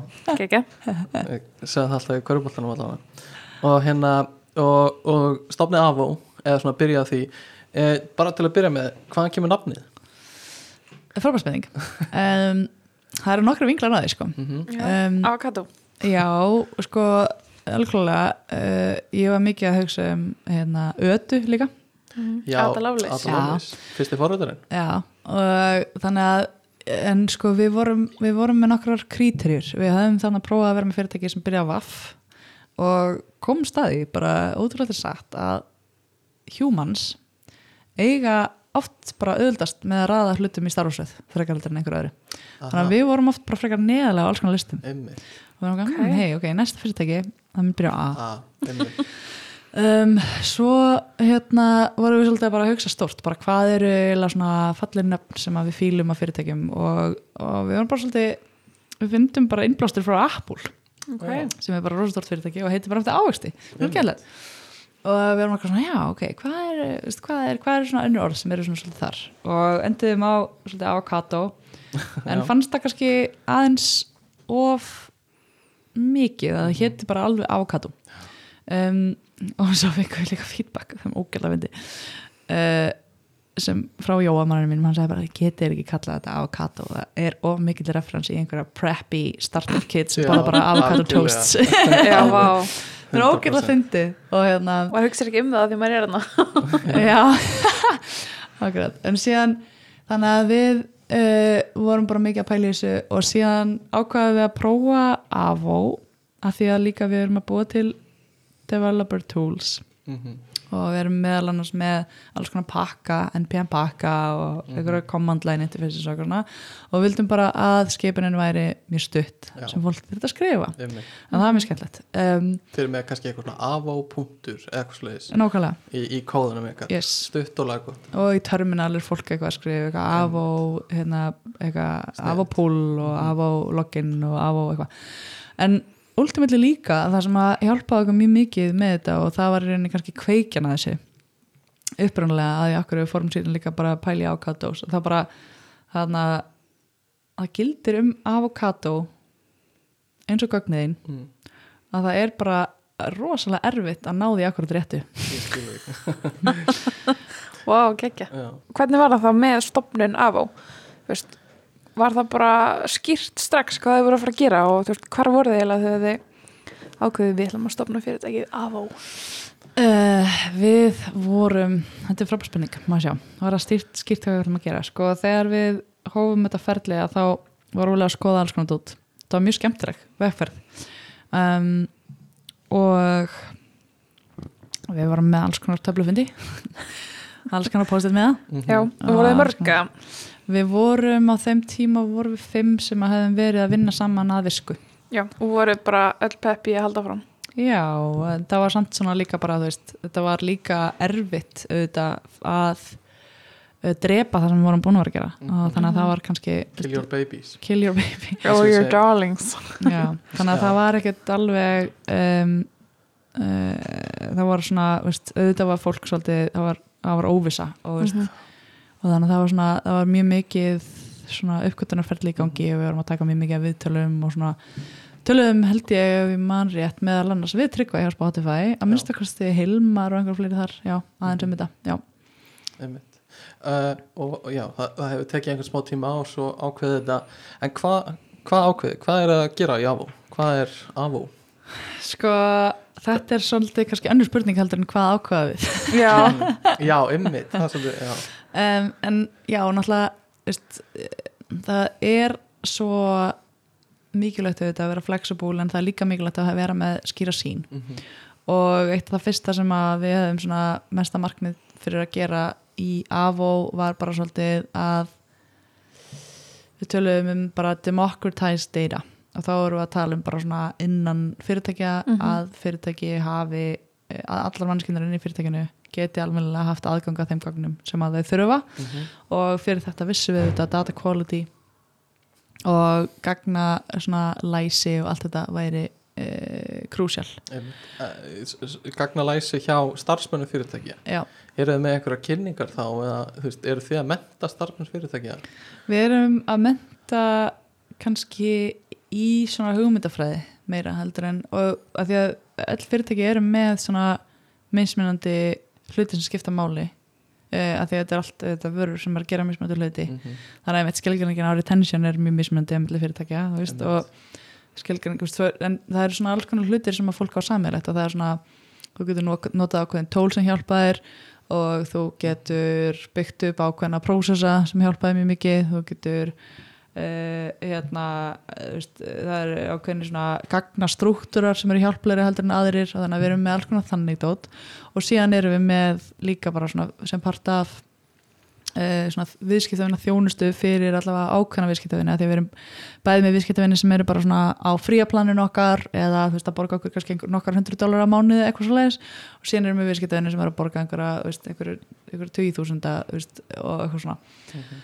Og þá er auðvitað mismunandi uh, uh, hvað ég segja, nánd Já. og, og þjónustu þjónustu samningur að einhver leiti á milli, milli okkar og þessara fyrirtækja. Og þar sem að við erum meira involverið að þá erum við líka með alls konar bara uh, svona þjálfunar session, svona training sessions. Og þeir eru að nota og þú kannski líka, ert að nota þekkinguna sem þú, sem þú, þú veist, læriðir í, í hérna uh, quiz up og ertu að, þú veist, eru það að byggja svipaðar lausnir og þau gerðuð in-house eða semst í quiz up og bara, bara gera það svona almennara fyrir fleiri Já, ég myndi segja já við því en við klárlega erum að líka við erum klárlega líka búin að ná að taka uh, lærdóm af því sem við byggðum þar mm -hmm. og leysa vandamál sem voru mjög uh, svona voru ennþá svolítið svona klöngi við þá laust og gera það miklu vel smurðara sko. eða betur smurðara svona, þannig að það er þannig að það er svona, veist, við erum búin að taka öll þessi hug, allar þessi hugmyndir sem að við Mhm. byggðum alls konar tól í kringum og ferla í kringum hjá. QuizUp og gera þetta að svona Mhm. þægilegri uh, B2B SaaS vöru business to business, software as a service Já. uh, en ok, segjum að ef við búum bara til dæmi að við hérna ég og Kristjana erum með fyrirtæki og við höfum tekið dæmi áður að við erum með stefnumóta app fyrir gæludýr. Nice. Eða fyrir fólk sem á gældir Já, já, ok, excellent, já, fyrir fólk sem á gæludýr. Mhm. Mundu við sem fyrirtæki sem eru komið með eitthvað lausn svona bráðbyrja lausn eða búin að gera proof of concept, myndu við hafa samband við ykkur og þið myndu hjálpa okkur, leið okkur í gegnum það eða hvernig væri svona ferlið? Já, þetta er frábær spurning, ég verða að skjóta inn uh, líka bara uh, áður en að ég fyrir að svara þessar spurningu. Ok. að þá finnst mér undar líka mjög skemmtilegt ef það væri, ef þið myndi gera tölun til þess að gera fyrir gæluturinn sjálf.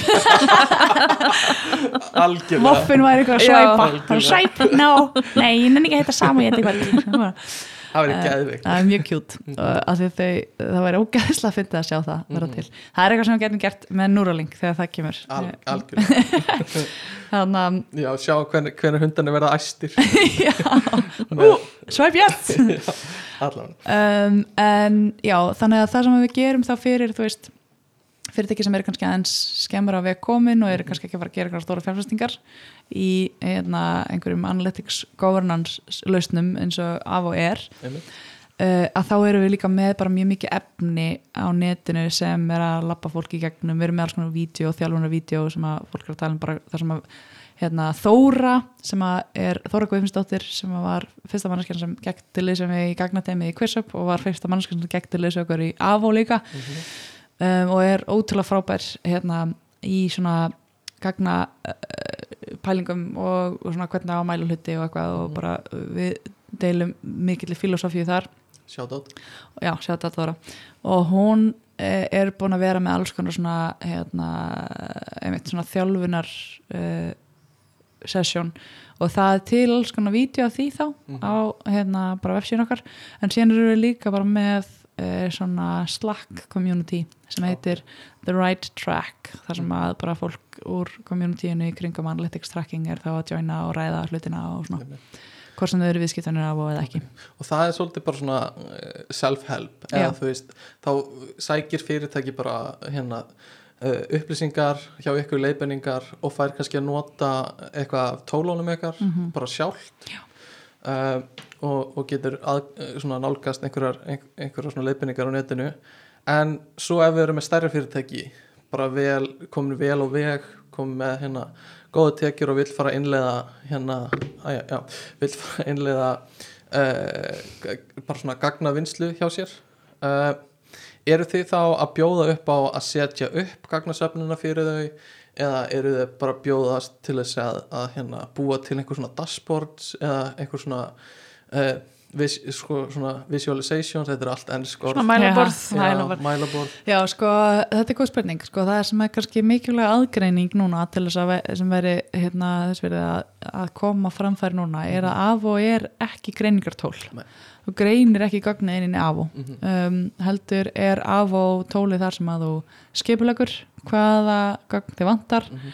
uh, og svo er AVO með uh, svona code generatora sem að gera það auðvöldara að útfara gagnapunktana svona þannig að þeir séu allir uppfylli ákveðna standarda allstaðar í appinu og bæði á iOS og Android og bakendanum og vefnum og eitthvað svona og svo erum við með svona uh, data observability heitir það, svona að fylgjast með hvernig gæðin á gögnunum eru uh, eru bara líta út, bara hvort að það sé að koma upp einhverjar villur og eitthvað svona vesen.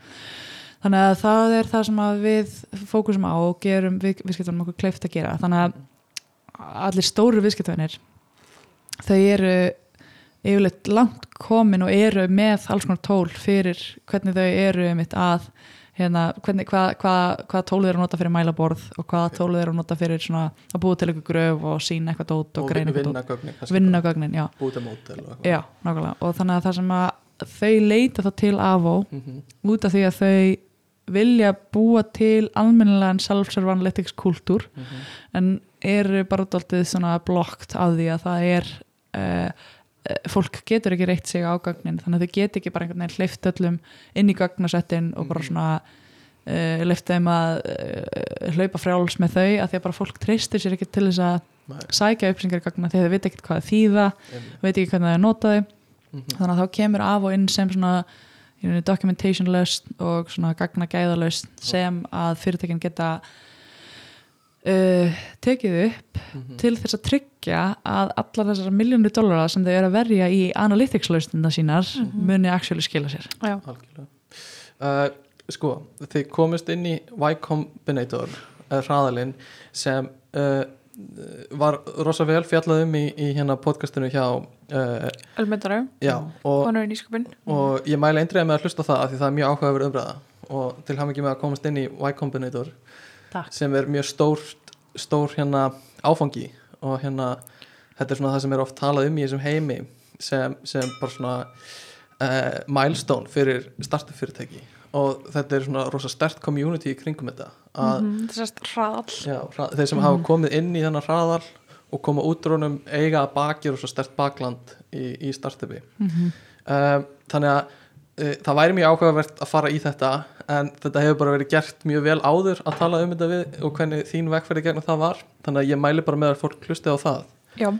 Um, en hérna já, við vorum að tala um hvað þjónustu þið veitir fyrirtækjum og hérna hvernig uh, hvernig eru flest þessi gögn söfnu, er þetta uh, eins og mann finnst kannski smá óþægilegt að, að veita til þess að eitthvað forrið er að er að merkja allar reyfingar sem ég ger í appinu er þetta er það nafnleindi yfir gögnum eða hvernig er já, er persónugreinanleg einhverju Þetta er náttúrulega ótrúlega góð spurning sko. Mm. og þetta er svona þetta er svona siðfræði pælingin í þessu og eitt af því sem svona, kannski ég átti sjálf erfitt með líka þegar við vorum að fara út í þetta er hvar finnst okkur mörkin á því sem er mjög ég rauninni hvar eru mörkin á því sem er hjálplegt fyrir notandan og því sem er bara svolítið bara svona mikill, hvað ég segja smá svona brota friðhelgi veginn. Algjörlega og, og það er svona, ég held að í rauninni kannski það er svona mörg þetta er mjög lagskipt. Það er þetta að tala um það er, það, er, það er fólki sem finnst bara að það eigingin rétt að við vita neitt um þig. Um, en af hverju er það? Og ég held að þú veist það er áhugavert að hugsa til þess hvað áhrif það hefur að maður einhvern veginn elst upp á Íslandi þar sem að við höfum aldrei verið í mikilli hættu að það hefur aldrei verið svona raunverulega ógn á því einhvern veginn að ríkistjórnin eða eitthvað svona veist, auðvald sé bara algjörlega einhvern veginn að misna þessi stöðuna veist, eins og hefur einhvern tíðan gerst til dæmis bara skilur í Sovjetríkjanum og Þýskalandi og alls konar ríkjum út um allan heim þar sem að það er bara svona raunverulega ógn að Mhm. eins og Þýskalandi með þess að tilhengu að þau vilja ekkit endilega þau vilja nota reyði fjö af því að þeim finnst ekki þægilegt að það sé hægt að staðfesta öll kaup sem þau nokkuð tíðan gert. Til þess að sé hægt kannski að nota það sem gegnir að það er einn vinkilinn einmitt. svo veist mér annar vinkilinn líka vera bara svona fólk, fólk kann ekkert vel við að sé hægt að markasetja allt uh, að markasetja til þín alls konar kæfta út frá því einhverju einu Google sem þau gert. Nei. og ég held að það sé svona svolítið líka annar vinkill á þessu og, og, fólk, og náttúrulega veist, einhvern veginn hversu langt Google hefur farið í bara líka á, á Facebook í einhvern veginn greina e-mail samskipti og greina Mhm. messenger samtöl og þannig dót sko. Hefur náttúrulega líka svolítið ógnað fólki mjög eðlilega. Um, þannig að þetta eru þetta allt sem er svona kannski keirir áfram þetta að þú veist fyrirtæki séu ekki að ná að búa sér til tekju auðlind Mhm, með því að nota uppsengjandar okkar og gögnin okkar einmitt. ég held að það sé svona einn stærsti drifkrafturinn í því akkur við fórum svona langt áfram í eins og þessum GDPR pælingum og sem eru núna líka konar í bandarækjanum Hva, hvaða pælingar eru það? Hvað, bara, hvað er það fyrir fólk sem veit það ekki? Já, GDPR persónuverndar stefna Já, þetta er svona persónuverndar stefna sem að uh, segir að, eða bara svona samkvæmt lögum að þá eigum við notendur gögnin sem er aflaðum okkur og við eigum tilkall til þess að fá að samþykja allt sem er safnað um okkur fágögnin og aðeins sem eitt. Já, að við höfum rétt á því að hafa samband við fyrirtæki Mhm, og byggja um að, þeim, að gögnunum okkar sé eitt. Hefur GDPR haft áhrif á ykkur sem fyrirtæki? Eða þú veist, eru þið að hjálpa fyrirtækjum eitthvað með þetta? Já, ok, okay, hversu mikið komið þess að- þið að þessu? til þess að klára þetta og til þess að það var byggla kvætta inn í eitthvað aðan og haldið áfram hér. En þarna uh, sem sagt þetta er svolítið það sem að, mér finnst svona þessi persónaverenda stefna snúast um bara að fólk, að fyrirtæki get ekki búið sér til viðskiptamódel eða businessmódel sem auðgast á því að þeirra selja upplýsingar um okkur. Það er staðir svolítið svona svolítið gráasta svæðið. Og það er náttúrulega business model hjá Facebook og business model hjá Google og, og fleirum auðvitað, það er fullt af appum sem að uh, veist, í gegnum tíðina hafa verið einhvern veginn að installa einhver dóta símaðin til þess að geta selt mhm, til annara appa upplýsingar um bara eitthvað svona. Ég man eftir til dæmis þegar við vorum að byrja quizapa þá var einn vinsalasti analytics hérna uh, providerinn uh, var bara svona ótrúlega einfalt að installa mhm, SDK, Software Development Kit bara one line of code dæmi og installaðir Flurry. Og uh, að því að það voru öll fyrirtæki einhvern veginn að installa Flurry að þá gastu fengið ótrúlega mikið af upplýsingum um notendina þeina að því að þau voru líka með upplýsingar um, á, um hvaða aðrar vörur voru virkitandi þínir að nota. Þannig að þú gætt fengi bara eitthvað svona í þessi veist, 40% af notendabeisninum er líka mjög miklu katta áhugavenn eitthvað Akkurat. svona, svona ógsláhverð allavega, þannig að það myndi henda okkur rosa mikið til dæmis í hérna appinu. Í katta, í hunda dating áhugamanninu mm. kat, í gæludýra dating. Um, en það sem að það sem að ég hef mikla ástriðu fyrir er auðvitað notenda upplöfun og ef við hugsaum um bara svona hvernig þróunin hefur orðið í uh, hvar við sækjum þjónustu. Veist, að það var svo áhugavert að fyrir kannski svona 10-15 árum þá völdum við okkur banka út frá því hvaða banki var með besta útibúið. Bara hver er með besta kaffið, hver gaf mm Mhm. barninu einu sleikjó, bara hvað nálægt vinnunni, nálægt Já, hvað sem næs er fólkið í útibúinu, bara, bara upplöfun við að fara í bankan, var það sem stýrði því svolítið. Í dag er þessi upplöfun stafræn og leiðin sem fólk notar til þess að velja sér banka er hvar er auðvöldast fyrir mig að fara online og milli vera pening eða sjá yfirleitt yfir það sem ég er að gera eða eitthvað svolítið stótt. Þannig að notenda upplöfun er bara svolítið þar sem við við veljum okkur lausnir út frá hvað er besta notenda upplifin og þetta er í gangi á öllum sviðum veginn uh, lífsins í dag. Þú getur gert langt flest en þú, getur allavega stutt það sem þú ert að gera í langt flestin tilfellum með einhverju stafræntala lausn. Og það sem við í af og fókusum mest á er uh, að hjálpa fyrirtækjum að sapna þannig gögnum að það skilji notenda upplifunina. Við erum ekki að fókusa á svona jafn mikið eins og mörgunni fyrirtæki á svona marketing analytics eða þú veist, eitthvað svo leiðis og það þýðir þá að þú þarft ekki endilega að vera með nafngrænarlega gögn og í Nei. langflestum tilfellum ef að fyrirtækið ákveður að Einmitt. vera svo kallað GDPR compliant Já. að það þarf það einmitt að passa að það sé ekki að safna nafngrænlegum upplýsingum eða minnst okkur ef það er að safna nafngrænlegum upplýsingum það þarf að vera mjög auðvelt fyrir notandan að fá að eyða þeim eða fá þau til sín til þess að vita hvað er verið að safna með. Þannig að við svolítið erum að hugsa um þetta alls, við erum að ég hef mikla persónulegu passion fyrir að upplifun okkar í stafrænum vörum sé góð. Og ég veit að eitt sterkasta tóli til að gera það er að skilja upplifununa Algjörlega. og annars er fólki sem er að smíða hugbúnan fyrir okkur er bara svolítið í einhverju blindflugi.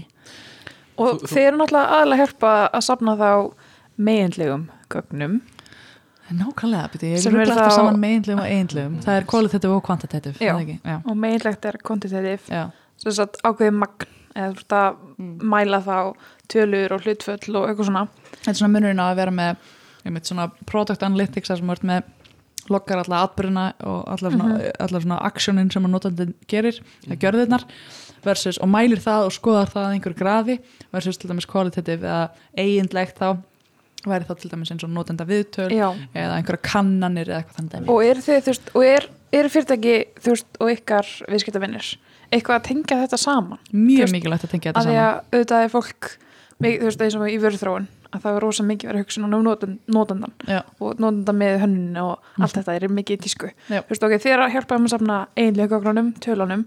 Þú veist, getur þið eitthvað nýtt gögnin í að finna rétt fólki til að tala við eða þú veist, er eitthvað svona tenging Já. sem þið hjálpum með bara 100% yfir, yfir í þetta? Það er til dæmis það með því að búa til svona kóhort af notendum sem að framkama einhverju gjörð. Og þá getur þú búið til einhvern kóhort af einhverju fólki sem þú getur þá. Og jafnvel, anders að manneskjan sem er að búa til kóhortið og ætlar að senda út einhvern tölvupost anders að hún fyrir nákvæmt tíman að vita tölvupostfangin hjá fólkinu sem hún ætlar að senda post á þá getur hún til að senda út post á einhvern hópa fólki sem hafa gert eitthvað og beðið það fólk um bara, herðu, ert þú til í að spjalla við okkur í hálftíma, mm -hmm. og þá getur það fólk valið hvort að það Akkurat. ætla að taka þátt í því en það er ótrúlega mikilvægt, þetta er mjög góða punktur það er svo rosalega mikilvægt að tengja þess að tvo hluti saman mm Mhm. bara, hérna, veist, þú, þú verður að vera með bæði qualitative og quantitative, það Já. er ekki nóg að vera með allt Nei, og eitthvað segja heldur falið. Þannig að þú verður einhvern veginn að veist, þú notar þetta svolítið svona saman. Bara, þetta er náttúrulega fólk. Þetta er fólk. Oft. Já, þetta er bara fólk sem við erum að reyna að tala við og skilja.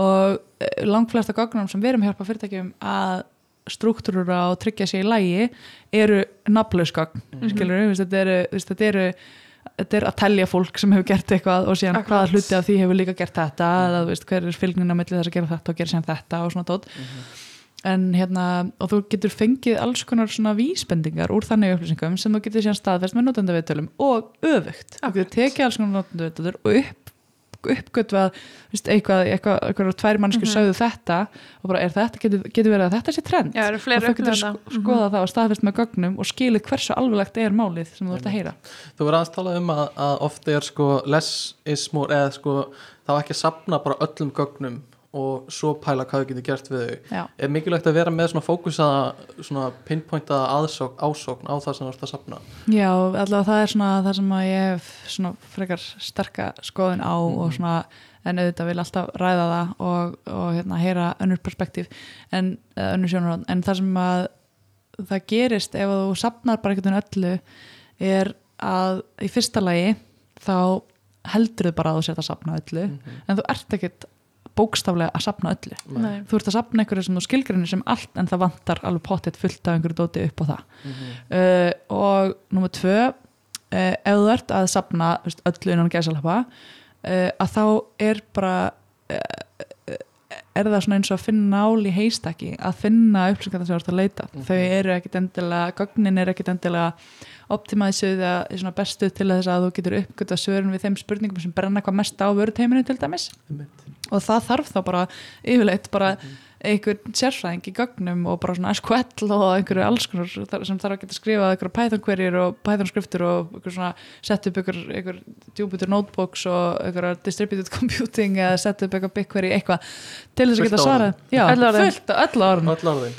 Öll tólinu og öll orðin sem að En ekki enda öll gögnin. Nei, og, veist, og, og, og þannig að þá þarftu alltaf að sækja til þannig sérfræðinga til þess að geta eins og byrjað að grafa hún í gögninni sem þú þarftu að halda það þýðir að þú ert orðin mjög háð Mhm. einmitt, human throughput bara Mhm. til þess að geta svarað þessum spurningum sem þú þarftu að svara og námið þrjú, jafnvel, þóttu fáir þennan sérfræðing, veist, að þá að því að veist, þetta að sapna öllum gögnunum er bara þú veist, það er ekkit þeng Mhm. að það bara jafnvel þóttu sért búin að taka þennan tíma Mhm. og setja eitthvað sérfræðingi í máli þá er ekkert endilega garantir að getur svarað þeim spurningum sem þetta svara auðvitað heldur, ertu heldur ekkert garantir að getur svarað öllum þeim spurningum sem þetta svara þú gerir þetta svolítið meira deliberately fyrirfram en það var að minnst eitthvað líklega að þú sért búin að forgangsa því sem skiptir mestum máli Einmitt.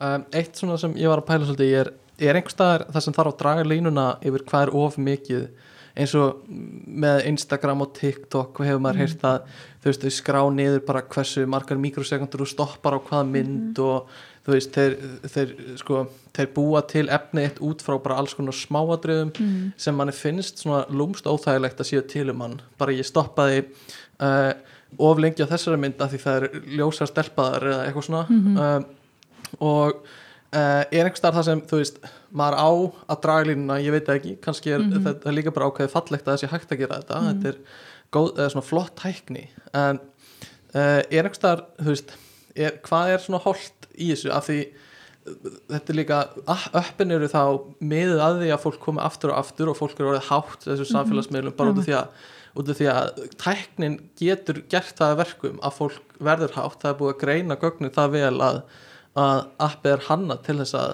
að fólk eigði þremur, fjóru, fimm klukkutímum á dag bara í að skrolla TikTok Já, uh, sker sko. þetta er ógeðslega skeri að því, að því gögnin hjálpa manni við þetta og veist, ég, ég hef ekki svar veist, þetta er töff samt Mhm. líka að sé hægt að gera þetta öppin eru miðuð út frá því að fólk verði hátt í Mhm. það er þetta retention, það á að koma aftur og aftur og aftur og verið eins Eh, lengi hægt er þannig Hversu heilbreykt er þetta? Já, Hvað þetta, er heilbreykt? þetta er ógstækka spurning og hérna erum við náttúrulega að tala um bara sko, erum- þetta er, þetta er marglæga spurning sem þetta velta Algjörlega. einna fram sko, og það er ein, ein spurning sorry sem ég sé bara Nei, minnst það bara því að það er ein, það er ein, ein vinkillin á þessu er sko hérna hvað er veist, hvað, hvað eiga fyrirtæki að Mhm. vera að fókusa á annar leir er bara hvað er mismöndi fyrirtæki að fókusa á það er ekkit öll fyrirtæki að nota uh, notenda upplifun til þess að besta fyrir þessu Nei. en þriðja, finnst mér líka bara svo áhugavert er, sem er bara hvar fyttar þetta inn í hvar, hvar, sko, hvar svona inn í heldarmyndinu um afþreyingu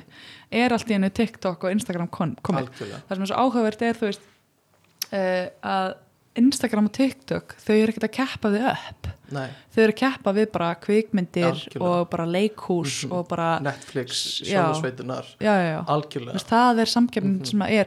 Og þetta er náttúrulega bara svona þannig erum við komin í bara einhverja svona heimsbyggilega spurningu um bara eigum við að lefa fólki að þú veist, eigum við að takmarka afþreyingu? Eigum við að setja þeim mörg en á sama tíma það bara, ég veit að fucking TikTok er rugglað, sko, þetta er bara eins og heroin, sko. Þetta er það og, og, og þú, veist, marg, þú veist, fólk segir að ég fíla TikTok ekki það mikið. Fyrir að skoða tölverðina sína, ég var á því fimm tíma í gær. Eitthvað svona það er, ekki, það er kannski ekki að fá og þú bara opnar appið og allt eru bara 5 klukktímar horfnir. Algjörlega. Þannig að það er eins og það sé ekki að fá þetta þú veist, rétta dópamin einhvern veginn, en þó það sé það að koma aftur Eða, já, Mm, sækist að alltaf aftur í það því að þetta er kannski eitthvað öðruvísi heldur en það sem við færð en það Já. hefur verið besta í gegnum bara tækni og, og gagn býst ég við Já, í, í en þannig að þetta, það sem ég er slíka áhört í þessu er sko, uh, og bara til þess að taka eitthvað sem vinglum fyrir er sko, þú veist eins og hérna og tengir svolítið svona uh, persónuverndar umræði Mhm. sem að mér, mjög áhört að velta fyrir mér sko bara hvernig heiminu skiptist í þessa hópa fólki sem vill að Google viti allt um sig af Mhm. því að það bara gerir líf þeirra auðveldara. Algjörlega, minnst það geggjaða punktur. Já. 100% Já, og það eru alls ekki allir sem er þar. Bara það er bara fullt af fólki sem er bara nei, en sumir bara, ég elska auðlýsingarnar mér er skott, ég, ég ætla að kaupa með fótunartæki. Mér er bara gaman að fá þau. Og líka var hann alltaf bara að leita saman. niðurstöðu relevans veist, bara Google þekki mig og veit hvað ég er að leita eða eitthvað. Og ég elska bara eitt, eitt uppáhalds einu uppáhalds moment mín er bara þegar, ég bara þegar ég er að fara að leita að einhverju specific þá elska ég að bara tæpa inn einn staf í einu og bara býða bara hvað þarf ég að tæpa inn mikið til þess að Google mm sé búið að fylla út bara tíu orð Já. og það er bara, já, stundum þarf ég bara að tæpa inn skilur eitt hálft orð og þá bara veit nákvæmlega Google hvað er fyrir að leita Einmitt. sem er, þú veist um, hjálplegt, en líka auðvitað bara eitthvað, ok, er það bara allt í lagi og hvað finnst okkur um það? Og ég held að heimurinn skiptir svolítið í tvær fylkingar þarna. ég samanlega En þarna finnst mér hérna og þannig kemur GDPR svo stert inn að maður geti að mérstu kostið, fólki sem vill þetta ekki getur stoppað þetta, þú veist, og það hefur eitthvað, eitthvað val. en er, ætti það að vera öfugt? Að fólk sem vill það ætti að opta inn eða opta á Það er svona já, kókifannir þannig séð sko, en þetta er samt svo skeri að því að sko, eins og þú veist, maður þarf samt að ganga svo ógeðslega langt til þess að Google veit ekki samt allt um hann einhvern veginn. En uh, svo er hinn vinkillin fyrst mér líka bara svona það sem maður ert að tala um með bara svona, er sandgænt að fólk sé búið til heroin? er Já. það, er það í? 100%. Og er þarna TikTok veist, að gera rétt með því og svona, uh, mér finnst TikTok vera mjög skemmtilegt að um, en svona, veist, ég er svona kon, í consumer-grúpinu þar sko já, mhm. en, en samt já, mér líður ekki eins og ég hafi verið produktív eftir það, nei, en samt alveg svona, veist, ef maður inn á prófíla hjá okkur fólki sem er að gera ógeðslega fyndna sketsja, þú veist, það getur verið Mhm. ógeðslega skemmtilegt, gott svona bara eitthvað eitthvað, ger ekki neitt eitthvað, eitthvað. Um, en, en já, ég er svona allavega yfirleitt fyrir gegnum tímabil þar sem að svona reglulega þar sem að ég svona tek svona detox frá Já. þessum uppum og Mhm. TikTok hefur í rauninni ekki kannski komist að þann stalla ég hef þurft einhvern tíðan að taka detox frá Nei. því frá mér, en Instagram stories hefur sannlega gert það hjá mér Samanlega, einmitt. Já, tengi En það er Mikið. samt hérna, já, þú veist, og hvað eiga þessi mörk að enda því að, þú veist, jákvæðu útgáðunar af þessu þá er að e, þau eru sérstaklega að vinna í því að gera uppgötvanleika Mhm. betri, þú veist, að þú fáir það content sem þú hefur að mista mm áhuga á, þannig að ef þú ákveður og ætlar að skemmta þér í smá tíma, í tíu myndir eða eitthvað, eða kortir eða whatever, að þá getur þú allavega að fundi svona content sem að er ágætlega relevant fyrir þig. og það segja þetta rosa margir bara ég byrjaði á TikTok, ég, það var ekkert næs í klukkutíma, svo þegar ég var búin að læka það sem mér fannst næs, þá var þetta bara eins og sér sniðið fyrir mig Mm. þeir eru með mjög gott kerfi fyrir það einmitt, sko. Já, á meðan til dæmis eins og Clubhouse er, sem er hérna nýtt nýtt app, sem að það er sem að þú ert með aðeins lengra efni, þú veist, fólk er að detta inn í símtöl basically, Já, þetta er nýjulega bara live podcast. Já, í rauninni að einhver leiti sem er kannski svona ekkit endilega sérstaklega vel struktúrarað og ég sá svo ótrúlega góða greiningu á einhvern veginn notenda upplifun á, á Clubhouse. Mm. þar sem að það er rosalega erfitt fyrir þau að fara að ætla að gera eitthvað discoverability af því að allt kontentið og efnið er uh, eins og kalla ephemeral. Eða veist að það það rennur út. Þú veist, það er bara, þú, þú missir af því að þú nærði því ekki. Það er bara hér og nú og Já, þú Já. spóla ekki tilbaka eða áfram sko. Já, og þannig að þú veist, það er svona þú veist, það, er, það er erfitt að fá áreðanlega góða afþreyingu út úr Clubhouse á meðan það er frekar aðgengilegt að fá góða afþreyingu úr hérna, TikTok og Instagram. Sama hversu fólki, hvað fólki finnst um productivity að baka það sko. Hvert sérðu þetta fara á næstu árum? Ertu að sjá uh, ennþá meiri aukningu í gögnin sem við verðum að sækja uh, ertu að sjá uh, já, ég, ja, þú veist, það er það sem mér dettur í hug eiginlega bara eina, að verður ennþá meira verið að safna gögnum eða erum við að fara að setja einhverjar skýrari reglur um þetta af því þetta er svo ný vísindi í rauninni sko. mm. og, og það vantar allan skilning hjá þeim sem setja reglunar uh, ok, ég er að alhefa svolítið en mann finnst þess að vanti oft skilning á þeim sem eru að setja reglunar sem er megar sens af því bara tæknin sem var fyrir tveimur árum þegar hann var kosin eða hún viðkomandi uh, er ekki svo sama og uh, núna í dag. Já, já, já. Já, þú meina bara get ég bera strax úr úralt eða eitthvað þannig bara. ég, ég næstu því sko. Akkurat, já, Eh, hvert er, já. og bara hvert er þetta að fara á næsta árum? Þú veist ég, ég sé ekki alveg um, það sé verið að fara að draga úr gagnasöfnun Nei, ég sé það ekki heldur gerast. Þannig að bara svona pælingin er eh, eru er að fara að koma skýrari reglur verða þær reglur úreltar fimm árum eftir að eru settar þú veist. Ég, bara, ég held þessi mjög spennandi tími Já. þessi svona gagna vísinda tími núna. Já, ég held sko að það sem að mér finnst alltaf eitt að sem mér finnst vera skipta mestu máli er, veist, auðvitað eru þessi það eru þessi e, þessir app framleiðendur sem eru að gera svona heroin hérna, Mhm. retention upp og svona og þú veist hvað er að þau að draða línuna og það er alveg ógeðslega áhugavert svona Instagram hafi tekið skref í þá átt eins og þú veist, ef þú ferði nóg langt nýri fítinu þá Mhm. kemur bara you're all done.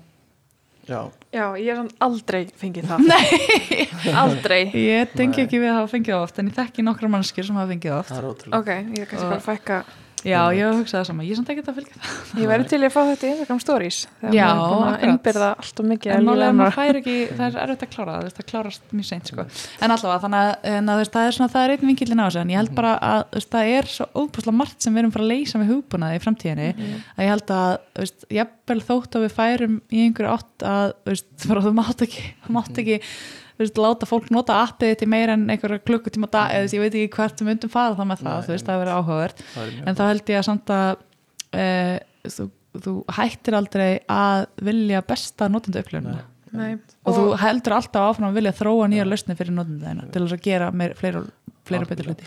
Mér, mér finnst ég, sko, ég hef búin að vera smá neikvæður finnst mér svona hljóma, ég er alls ekki neikvæður ég er mjög spenntur fyrir þessu. Þú fara að vinna við þessi gögn Já, ég er uh, data, að læra data science þannig að þú veist, ég, ég er bara all for it sko. Já, uh, mjög spenntur, en við fyrir að klára þetta. Já, Mhm. og kannski þá Anna með, með þetta, þú veist, ykkar vekkferð hjá AVO, þú veist, eru þið eitthvað komin á þetta, þú veist, með framtíð gagnana og notkun þeirra, Já, hva, hva, hvernig sérðu fyrirtæki þitt í framtíðinni? Hvað eru þið að einbytta ykkur að næstu getið þið eitthvað hjálpað, bjargað?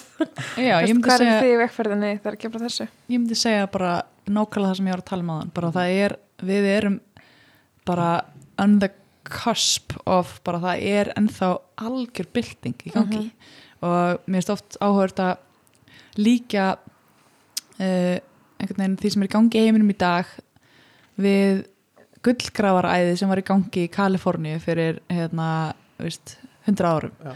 og þá voru einhvern veginn veist, þá var fullt af fólki að reyna að finna eitthvað að gull og eitthvað og reyna að búa til eitthvað verðmæti. Og núna erum við í nákvæmlega sama stað bara Mhm. í hugbúnagerunum við erum að reyna að leysa ótrú, það er ótrúlega mikið af óleistum vandamálum í hugbúnaði ennþá, þú veist, það er bara fullt af dóti sem við þurfum ennþá, sem ennþá að stragla með. Algjörlega. og veist, það er vafarist fullt af fólki sem er að segja að erum við ekki búin að leysa þetta allt.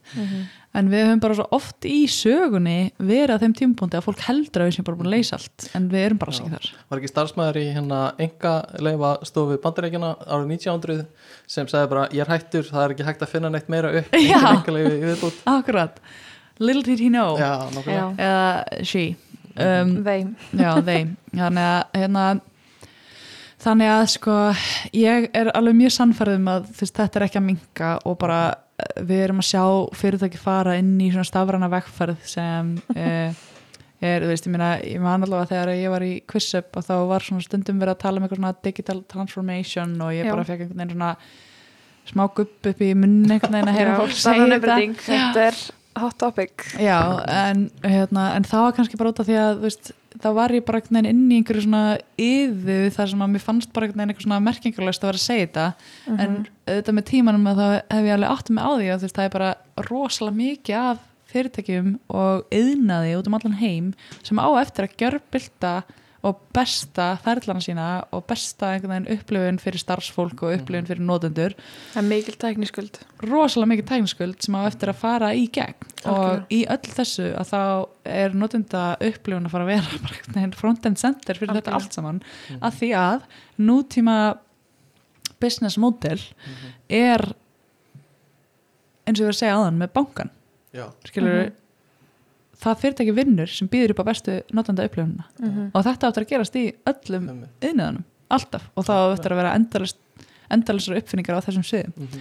og í öllu þessu að þá uh, er þessi notenda upplifunargreining hún er alltaf að fara að stýra í einmitt, hún er að fara að vera leading indicatorin um lagging indicatorin sem revenue er revenue er einhvern veginn alltaf veist, það er eftir að segja það auðvitað, eh, eða svona, ef maður er svona eitthvað svona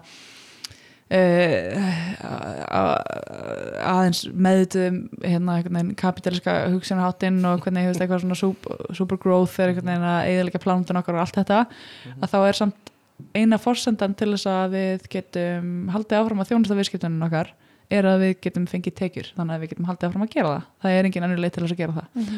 Og þess vegna skiptir auðvitað revenue er auðvitað mikilvæg mælkvarði á velgengni Mhm. fyrirtækja en að því að það er alltaf lagging indicator þá þurfum við alltaf að vera með einhverja leading indicatora og það er bara þannig að þeim er mest stjórnað í dag. Eða, mesti og besti indicatorin um velgengni fyrirtækja er eftir því hvort að fólk endist í að nota vöruna en að ekki sko. Ég held að þetta séu bara frábær loka orð uh, Ég vil bara óska þér enn- aftur til hamingi með velgengni Avó og að fylgjast bara skila góðri kveðju til allra starfsmanna persónulega. Stefania. Hún og gangir á hvern og skila góðri kveðju. auðvitað var ský Já. og hérna bara takk aftur fyrir að koma Mhm. gefa þið tími í þetta. Þetta var úkslega gaman að fá þig. Hló mikið og, og lærið mikið.